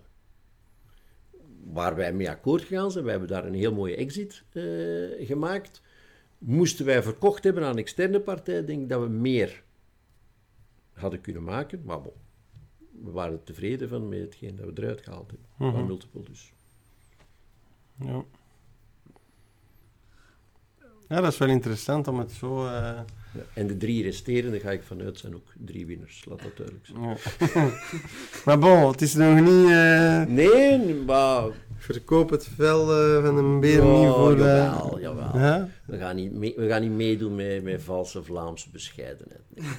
Nee. Als iets goed is, moet je dat ook durven zeggen. Dat zijn gewoon drie, drie praktbedrijven nog wel. Ja. Hoe, ehm, als er een, eh, een ondernemer naar jullie toe komt, hè, doet zijn pitch, geeft zijn uitleg, dit is de projectie, de best case, worst case scenario, de hele nest. Ehm, jullie bekijken het businessplan en jullie zeggen van kijk, dat en dat en dat. hm, om weet ik veel welke redenen zeggen, zeggen we van kijk, we zijn, we zijn niet geïnteresseerd. Hoe realistisch is het dan dat die persoon twee of drie maanden later terugkomt en zegt van kijk, hey, ik heb die cijfers, die feedback die je mij gege- gegeven hebt, ik heb die bijgewerkt, ik heb die opnieuw eh, verwerkt. Bekijk je dan opnieuw of heb je dan zoiets van, hmm, dat is, eh, dat is het einde verhaal hier. Nee, dat is bij ons wel continu. Maar bij ons is dat ook anders, omdat dat ook een team is. En dan linken wij die ook misschien met andere mensen bij ons in, eh, in de groep. En dan zie je daar toch nog eh, een investering uitkomen of toch nog een samenwerking uitkomen. Dus... ehm, ja. Eh, de reden dat ik het vraag is, ik heb ook een aflevering gedaan met, eh, met twee mensen die, eh, ondernemers die investering gekregen hadden, hè, dus die langs de andere kant van de tafel zaten. En die waren eigenlijk vrij res- resoluut, die zeiden van kijk, nee, nee, als je het, als je het echt verknalt hebt bij een, bij een investeerder, als die zegt van kijk, dat en dat en dat klopt niet, eh, ga terug naar het tekenbord, dan kom je er ook niet meer in. Die waren daar vrij resoluut in dat dat... eh, Maar de, de kwestie is, ik volg nogal de redenering opnieuw, scha en schande, hè, als business angel dan. Ehm, ik, heb- ik mis liever een goede deal dan een slechte te hebben. Dus als het niet goed voelt, dan gaat het daarna... Allee, ik bedoel, men weet dan wat men moet doen met de cijfers om het goed te doen voelen, maar daar gaat het niet over. Bij mij gaat het... Ik bedoel, want wat je zegt, worst case scenario, best scenario, normal scenario, dat is, dat, allee, dat, dat is typisch het verhaal naar Series E. Hè. Dat is voor VC's. Dat is niet hetgeen dat je moet doen naar een business angel toe. Hè. Ehm, maar naar een business angel toe gaat het opnieuw gaat het over... Begrijpt je je cijfers? Weet hoe aan die cijfers gaan komen? Weet hoe die cijfers gaan evolueren? Hoe die kunnen evolueren en dergelijke meer. En als hun inschatting op de eerste maand is, ik geloof dat ik dat en dat ga kunnen doen op die en die manier, dan gaat dat drie maanden nadien niet veranderd zijn. Hè? Normaal gezien. Je zou kunnen zeggen, ze hebben dan ineens het licht gezien. Ja, maar je hebt dan altijd het risico dat ze weten wat dat ze moeten zeggen om alsnog jouw funding te krijgen. Dat risico gaan we niet lopen. Nee, maar ook, ook weer uit, uit, eh, uit een van de vorige afleveringen. Hè. Ik zeg het, ik leer hier enorm veel uit bij en ik vind het bijzonder interessant om even advocaat van de duivel te zijn dan. Een van de mensen... Dat is de plezantste job. Dat is, is enorm plezant. Eh, een van de mensen die, die, die hier was, die heeft gezegd van kijk, ik ben met mijn businessplan naar, en ik weet nu niet meer of het, ik denk dat het een angel investor was, maar goed, eh, dat weet ik niet meer specifiek. Ik ben daar naartoe geweest en die heeft gezegd van ja, kijk, uw businessplan klopt niet, de cijfers, ik geloof daar, niet noem maar op. Die is dan eh, een maand daarna of twee maanden daarna, timing maakt niet zo heel veel uit, is die iemand tegen het lijf gelopen die daar wel kennis van had, van hoe dat je zo'n businessplan opstelt, noem maar op. Die hebben dat volledig herwerkt, zijn terug naar die business angel gegaan en die man heeft gezegd van, hey, wat heb jij gedaan? En die heeft, daar opnieuw, die heeft er toen wel beslist om zijn geld erin te steken. En dus daarom, allee, ik hoor zo de twee verschillende kanten. Ik hoor dat het wel kan, maar ik, ik begrijp ook wat je zegt. Van ja, kijk, als je zegt van kijk, dit en dit klopt niet, ja, dan passen ze het cijfertje gewoon aan, gewoon aan en dan, dan praten ze jou naar de mond. Dus, Maar again, je kan daar echt geen rode draad... Dat is puur weer iets menselijk, hè. Zeker als je puur over individuen als business angels aan het spreken, kun je daar... De ene persoon redeneert daar totaal anders in Uiteraard, maar dan, allee, de, de vraag is ook niet van, kijk, wat is, wat is de regel? De vraag is eerder van, hoe gaan jullie daarmee om in zo'n situatie? En want uiteindelijk, ja, iedereen is anders daarin. Hè. Maar voor het bedrijf dat geld zoekt, denk ik dat het sowieso is eh, ja, zoveel mogelijk blijven proberen. En met zoveel mogelijk mensen aan tafel zitten. En als je dan toch een goede klik hebt gehad met die business angel of die VC of eh, die analist die daarvoor werkt, ja, dan moet je daar zeker terug opnieuw gaan aankloppen. Mm, Dat is mijn, eh, mijn visie erop. Maar bij Johnny, voilà, vanaf dat je één keer verbrand bent, dan ben je verbrand. Nee, nee, nee, want ik, ik, ik zeg dat ook vaak tegen de mensen. Ik hoop van harte, en ik meen dat ook, dat ze mij ongelijk bewijzen. En ik zal de eerste zijn om dat nadien dan ook toe te geven. Dat ze het heel goed gedaan hebben, dat ik dat niet verwacht had. Maar ik vind dat je el- elkaars tijd ook niet moet verdoen. Als ik niet 100% in dat dossier geloof, zouden ze aan mij een slechte angel hebben. En zou ik het zonde vinden van hen, dan kunnen ze beter hun tijd focussen op een, op een investeerder die ze misschien wel aan boord krijgen. Het zal er ook een beetje van afhangen van wat er juist precies mis is in, in, het, in het dossier. Hè. Als je zegt van kijk, dat is niet realistisch, of de sector, of een pivot, of hier of daar, ten, opzichte van de cijfers volledig herwerken. En, en, Ja, maar, ik- maar opnieuw, ik, ik, allee, ik verwacht ja, je Opnieuw, het is, het is ondernemen, het is hun kind. Zij, zij weten hoe hun kind eruit ziet, zij weten hoe dat ze dat kind willen doen groeien en dergelijke meer. En je hebt opnieuw, er is geen enkel discussie dat uiteindelijk zal het een heel ander verhaal worden. Maar de insteek van dat moment mag ik hopen dat ze daar toch grondig over hebben nagedacht. ja, juist. Ja.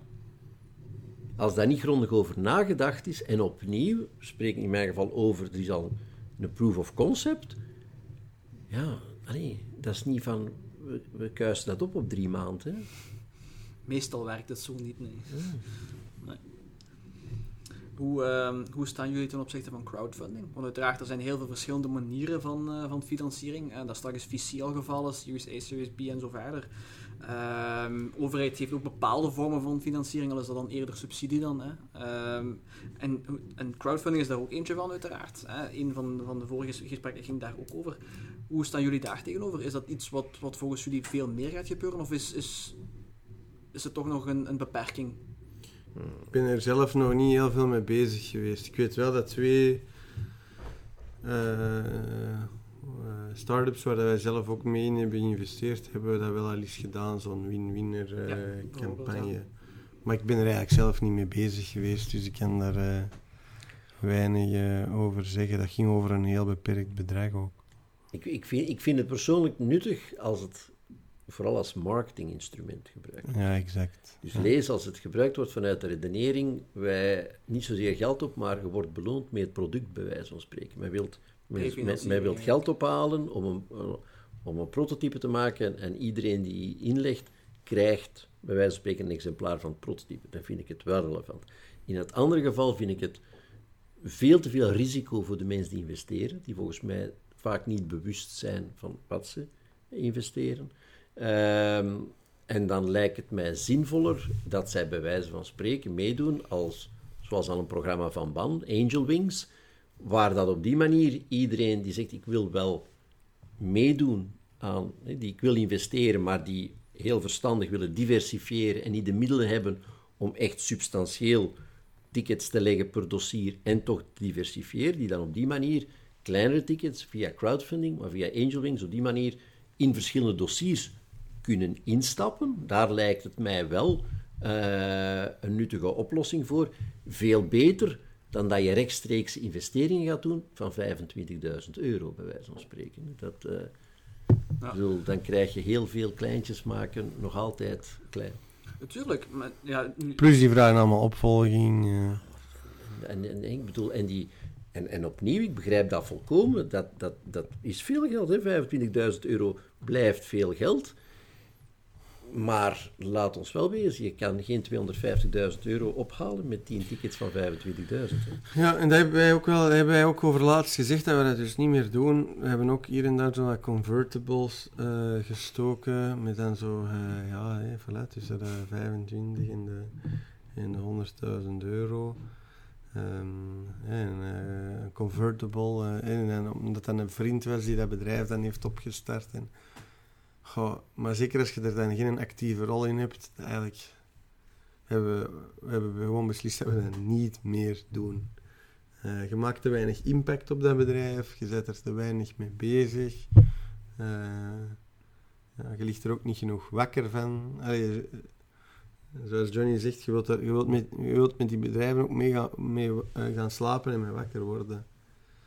En meestal heb je daar zo weinig bonding mee dat dat, eh, dat, Ja, dat dan verdwijnt uiteraard. in aandachtsperspectief. Ik, ik snap ook, allee, als, je, als je heel ondernemer-minded bent, dat je, dat je graag die deelname hebt. Hè, maar allee, zoals toen tijdens die opname ook gezegd werd, eh, ik geloof dat er iets van een 3 miljard aan, aan, aan euro aan- op de Belgische spaarboekjes staat. Eh, en ja, dat werd toen Veel, vele malen meer. Als ongetwijfeld. ik me niet vergis, gaat het bedrag meer naar 200 à 300 miljard. Ja, oké, voilà, kijk. Eh, tot zover mijn, eh, mijn cijfers. maar goed, allee, hoe, Google. hoe hoger het bedrag, Google hoe, hoe, hoe groter het argument natuurlijk. Hè. Uiteindelijk, dat, dat geld gaat beter de economie in. Eh, en, en waar beter dan, dan in bedrijven te ondersteunen. Mits dat er genoeg over nagedacht wordt natuurlijk. En dat Ja, daarom- maar, maar laat ons wel wezen, je hebt daar enorm veel cent. Ik ben 100% eens dat dat bedrijf, allee, dat dat geld veel beter in de economie geïnvesteerd wordt. Eh, ik ben daar minder voor dat dat, allee, laat ons wel wezen, eh, als we spreken over de fase seed capital, waar wij in spre- over spreken hier, dat is enorm risicovol kapitaal. Ja. Als je aan die mensen gaat vertellen met een spaarrekening van u riskeert minstens de helft van uw geld kwijt te spelen, sorry, daar zijn zij terecht niet in geïnteresseerd, want je mag maar een deel van uw vermogen in risicokapitaal investeren. Je moet uw, vermogen spreiden. Dus dat is, allee, eh, ja, ik ben voor het aanspreken van dat spaargeld naar risicokapitaal, maar er is al een groot verschil tussen dat men dat gespreid gaat beleggen op de beurs, opnieuw, gespreid op de beurs.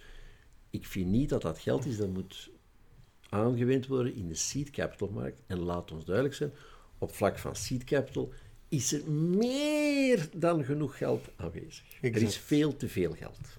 Ja, exact. En dat heeft negatieve gevolgen dan ook voor heeft absoluut negatieve gevolgen. Er wordt veel te veel... Allee, er worden bedrijven opgestart en gefund die absoluut geen funding waard zijn. Ja, en tegen crazy waarderingen. En was daar de motivatie achter? Want uiteindelijk, als je er niks kan uitkrijgen, wat, allee, is dat hopen op een gok op één van de tien? Of, of, eh, Dat is omdat het sexy is van te investeren in start-ups. Eh, Oké, maar dan kan Het je... is ook sexy om een start-up op te richten. ja, maar dat is het, het, Het is gewoon hip. CV-lijntje van daar straks. Voilà, het is gewoon een hip geworden om te zeggen, ah, ik, eh, ik ben ondernemer geworden. eh, Oké, maar als, ik als zet mijn eigen in een Starbucks met mijn MacBook in eh, hashtag eh, startup life, eh, hashtag raising capital, eh, hashtag investor deck. eh. maar als investeerder ga, je, toch ga je toch niet zomaar geld naar de eerste de beste gooien. Je gaat toch kijken van, kijk, hier geloof ik in, het verhaal, en kan ik meerwaarde uithalen, kan ik mijn centen laten renderen. Of, Klopt, klopt. Maar, maar dat zou iedereen moeten doen, maar dat doet niet iedereen. Dat is zoals dat men, als men op de beurs belegt, dat je ervan uitgaat dat men het bedrijf eh, analyseert waarin dat men wil beleggen en dergelijke meer. Eh, als ik kijk naar meme-stocks, eh, om die één, meme-stocks, Ja, of die specs. meme-stocks, SPACs, Wat is dat ook voor... eh, ik heb dat nu niet helemaal uitgepluist, maar... dat, zijn, dat concept alleen al. dat, slaat, dat bruut, slaat op een niks. hè. spekje dat je geld ophaalt om daarna een target te gaan overnemen. Maar je hè. weet alleen niet welk target ze gaan overnemen. Ja, dus dat is gewoon... Dus, eh, Dus daar heb je een stuk asset inflation, eh, waar, dat men, allee, waar dat je eigenlijk ervan uitgaat. eh, ik ga ervan uit dat er, dat er nadien nog een gek gevonden wordt die er nog meer ja. voor betaalt. Dus ik zie, ik zie elke dag investeringsbeslissingen, waarderingen, en met alle respect, vaak tot nadeel van het bedrijf. Hè. Ik ken start-ups die in mijn ogen een heel plausibel verhaal hadden, eh, en waar ik dolgraag in geïnvesteerd had, maar die aan een waardering zaten dat te gek was voor woorden, omdat iemand anders die waardering wou betalen. Hè? Dus, en dan wordt het heel moeilijk voor een ondernemer te zeggen, nee, ik wens niet uw geld, ik neem dat van iemand anders aan de helft van de waardering. Ja? Maar vervolgens natuurlijk loopt het niet zoals gepland. En dan? En dan met, met slechte contracten of zo. Daar heb ik al veel bevriende ondernemers echt eh, genaaid zien worden. Hè? Ehm, zoals Johnny daar straks zei, dat hij dat duidelijk niet doet, maar van die loesje contracten met preferred shares en Anti-dilution. eh, anti-dilution rights. En waardoor dat een, zelfs dat een ondernemer eigenlijk best een mooie exit heeft, maar dat toch de investeerder alles van de tafel wegraapt. En Ehm, alleen al daarvoor heb je een, met alle respect, gepokt en gemazelde business angel nodig om u daar als ondernemer in te begeleiden. Maar opnieuw, als men bij de start natuurlijk eh, het geld naar het, naar het hoofd gesmeten krijgt, is het heel moeilijk om daaraan te weerstaan. Het is moeilijk om nee te zeggen. Ja, dan, want hè, die, die eh, zien dan eh, die, een veel hogere waardering bij die, bij die investeerder en die denken, oh, mijn bedrijf is zoveel waard. Maar daar zijn dan zo'n shady clausules bij. Vraag, vraag dan een keer naar het track record altijd. Vraag naar wie hebt u nog geïnvesteerd. Ga een keer babbelen met die ondernemers. En, En vraag eens of zij tevreden waren met de beslissing. Exact. Hè, De due diligence. Due diligence is niet enkel due Nee, diligence langs- die gebeurt door de investeerder, moet je ook door de ondernemer doen. Hè? Ja. Zonder arrogant te zijn. Hè? Langs beide kanten, hè? laat dat duidelijk zijn.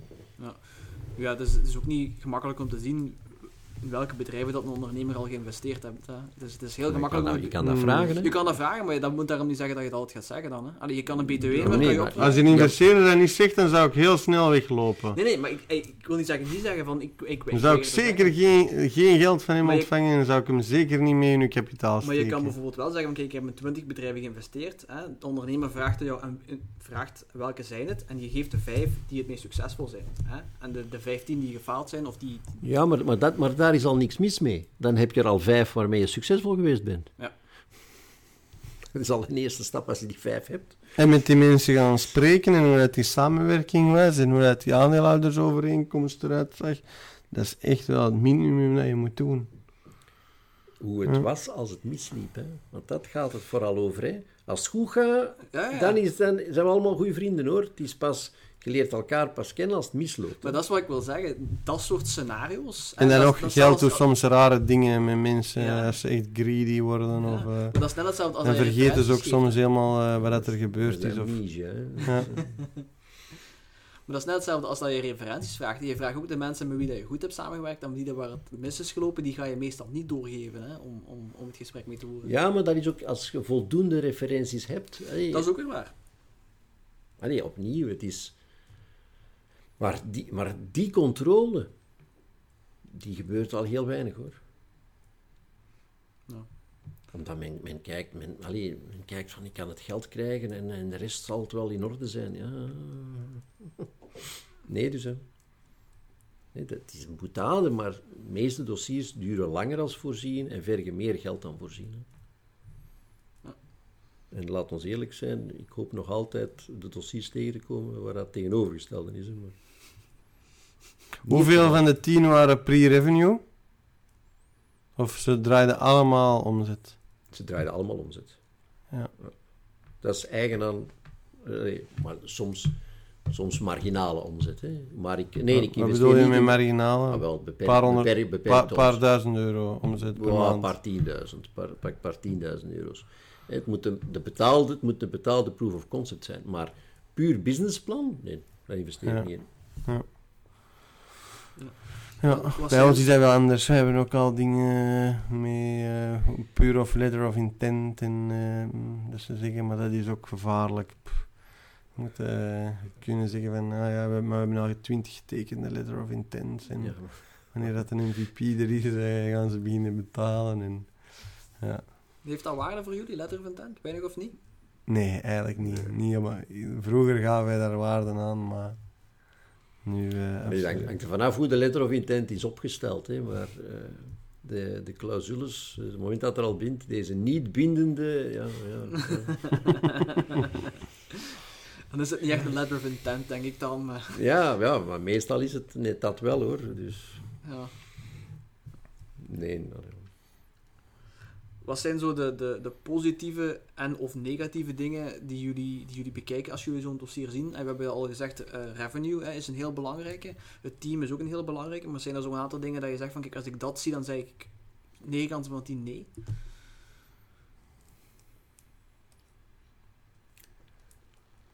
Ehm, maar sowieso, als ze, als ze beginnen met hun eigen een hele chique bedrijfswagen te kopen, gaan we nee zeggen.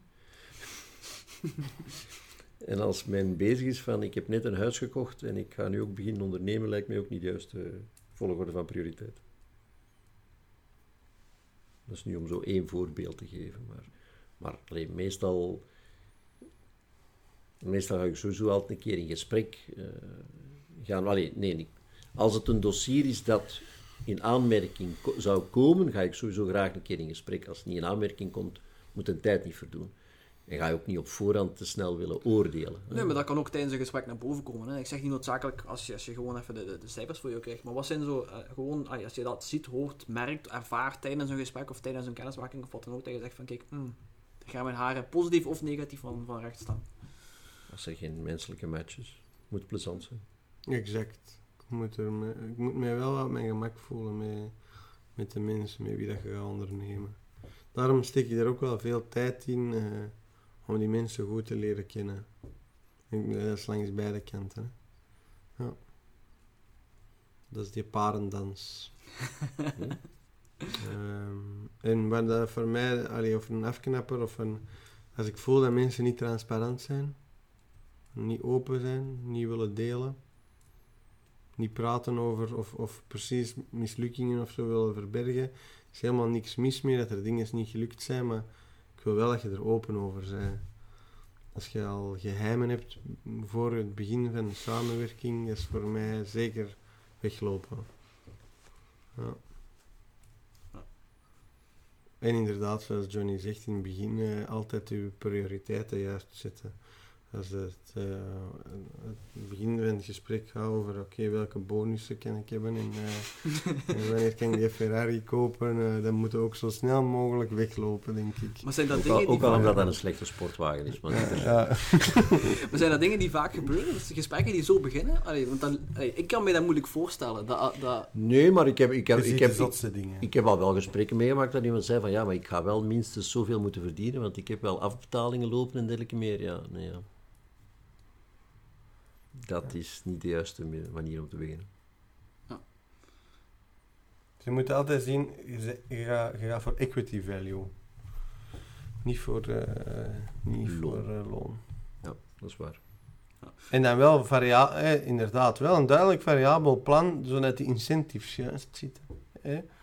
En dat, dat is ook goed als er verschillende co-founders zijn. En, en ja, dat, dat iedereen ook uh, op de juiste manier beloond wordt naar, dat, uh, naar wat dat ze bijbrengen. Dat vind ik ook heel belangrijk. Uh, want daarom kunnen mensen wel gelijke aandeelhouders zijn, maar daarom moeten ze nog niet hetzelfde verloningspakket nee, hebben. Klopt. want anders zie je daar toch dingen mislopen. En, of dan bestaat daar ook discrepantie, maar als dat dan in een variabele fee is afgedekt, dan, ja, dan compenseert dat dan meestal wel. Kijk je ook zo af en toe daar strubbelingen tussen de, de, de co-founders op zich, en hoe dat die samenwerken en zo verder? Ga je daar ook dieper op in? Goh, die zijn er zeker. Hè. Als, als, je, als het allemaal pijs en vree is, dan is het niet goed, want het gaat sowieso niet altijd pijs en vree blijven. Uh, maar ze moeten het kunnen discussiëren, maar ze moeten wel op een zakelijke manier kunnen omgaan. Hè. Ik bedoel, het is, allee, moet, mensen moeten dat niet persoonlijk nemen. Hè. Dat is een van, een van de grote problemen vandaag de dag. Is, tenen van de mensen zijn volgens mij met de jaren alleen maar groter geworden. En ja, ja. En men is veel, men vat dingen veel te gevoelig en te persoonlijk op. Het gaat over de business, durf daar nu een keer rustig over redeneren en pak dat niet persoonlijk. Het gaat over resultaten, hè, die tellen. Hè.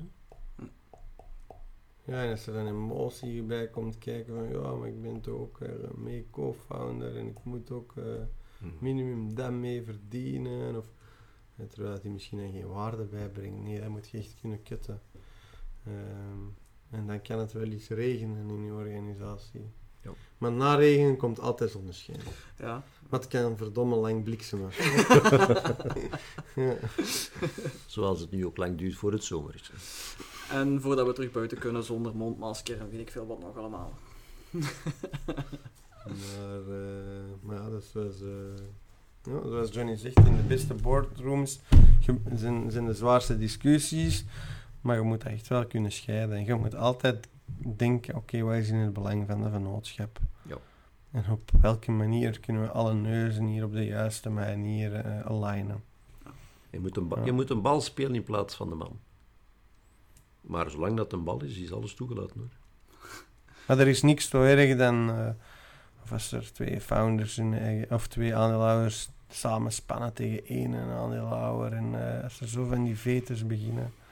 Dat is, uh, maar dat is ook een situatie dat is gevaarlijk. Houden, denk ik. Hè. Dan, dan moet je iets aan doen op dat moment. Dat moet, dat moet veranderen, want anders dan gaat het bedrijf er gewoon keihard aan, aan onder. Klopt. Want dan ja, creëer je een, een giftige omgeving. Uh, uh, in Engels is dat toxic environment, dat klinkt iets beter van. Uh, maar ja, daar komt het uiteindelijk wel op neer. Dus dat kan ik, kan ik mij perfect voorstellen. Ja. Um, ik ga misschien eens een laatste vraagje stellen aan, aan jullie beiden. Um, wat zijn zo um, de grootste dingen die jullie zelf geleerd hebben uit investeren, die jullie nog, nog kunnen meegeven aan ondernemers die, die nog zelf bezig zijn met een businessplan? Dat je zegt van kijk, dat, dat, dat, dat zijn de zaken die je zeker op orde moet hebben, die je zeker goed moet over nadenken voordat je, voordat je zelfs maar denkt aan, aan investeren zelfs. Uh, want niet elke, elk bedrijf heeft geld nodig uiteraard. Dus soms kunnen ook, het beste geld is uiteraard wat je van je, van je klanten krijgt. Laat mij dat misschien als eerste, dat, dat men daaraan denkt dat het beste geld datgene is dat van klanten komt, sowieso. Zeven rekening maken, uitgaande facturen. ja, exact. Volledig mee eens. ja. Ik heb zelf ook nog iets Er is niks zo duur dan, uh, dan kapitaal van investeerders. Dat is eigenlijk, uh, ja, er is niks zo duur dan kapitaal opgeven. Dat is het, dat is het, duurste, dat is het duurste geld. En hoe maak je dan die rekensom als ondernemer? Wanneer beslis je dan van kijk, nu wel of nu niet, afhankelijk van die en die en die factoren? Want je zegt duurste geld, uh, allee, leg, dat eens, leg dat eens een beetje uit. Als je in je eigen gelooft, als je in je bedrijf gelooft, dan is er niks zo'n duur geld als het geld van een business angel of van een VC of van uh, een investeerder. Zoals dat Philippe zegt, uw waarde van uw bedrijf ligt in uw equity, niet in uw loon. Dus het moment natuurlijk dat je meer equity afgeeft, hè, dan ga je natuurlijk op die manier minder aan je equity overhouden. Het standaard verhaal dat er dan altijd gebracht wordt, is natuurlijk dat het veel beter is 10% te hebben van een bedrijf dat 100 miljoen waard is, hè, dan, dan, dan 50% van een bedrijf dat 5 miljoen waard is. Ja, dat, is dat, dat is waar. Maar die 5 miljoen is gemakkelijker dan die 100 miljoen. Hè. En dus het feit dat je voldoende zekerheid voor jezelf als ondernemer inbouwt, dat je met een gerust gemoed uit je eigen voeling met je businessmodel en met je markt en dergelijke meer, en met het schaalbaarheid, kan zeggen van ja, maar ik kan naar die 100 miljoen doorgroeien, dat je dan moment zegt van ik ga verwateren, geen probleem. Maar dan ga je dat ook, doordat je die kennis hebt, ga je dat ook kunnen doen, die verwatering beperkt houden, dan ga je aan goede voorwaarden geld gaan kunnen ophalen. Want dan gaat je dossier veel sterker staan. En dan is dat geen probleem, dan ben je er zeker van zijn. Maar die, die afweging wordt veel te weinig gemaakt. En als je het dan toch doet, eigenlijk zie dat je actieve eh, aandeelhouders ermee bij betrekt. Of eh, investeerders waar dat je op denkt van oké, die hebben een strategisch toegevoegde waarde. Ehm, moet meer zijn dan geld alleen. Hè? Ja, dat is echt... Dan, dan zeg ik, probeer cashflow positief te bouwen en lang genoeg, zodat dat je misschien eens bij de bank kunt gaan aankloppen en bankfinancieringen kunt uh, binnentrekken om daarop te groeien. Ja. Want van een investeerder of een aandeelhouder, of allee, vanaf dat er mee in je kapitaal zit, je, allee, denkt van je aandeelhoudersovereenkomst af, maar je zegt getrouwd. Moet daarom niet altijd slecht zijn, maar ik denk wel dat we allemaal weten dat dat niet altijd even prettig kan zijn. En dat je soms een keer opnieuw moet proberen. ja. Oké, maar dat is een discussie waar we niet verder op in gaan gaan, want dat, uh, dat brengt geen einde, denk ik. nee, oké. Okay. Um, ik ga jullie heel hartelijk bedanken voor de tijd die jullie hebben vrijgemaakt. Uh, we, zijn nu, we zijn nu dik, uh, dik anderhalf uur bezig en het heeft, uh, er zitten heel veel leuke dingen in die we vandaag gezegd hebben. Heel veel dingen die, die ik sowieso wil gaan meenemen in, in mijn rit. En ik hoop dat er andere mensen ook, ook in, in, in kunnen bijleren.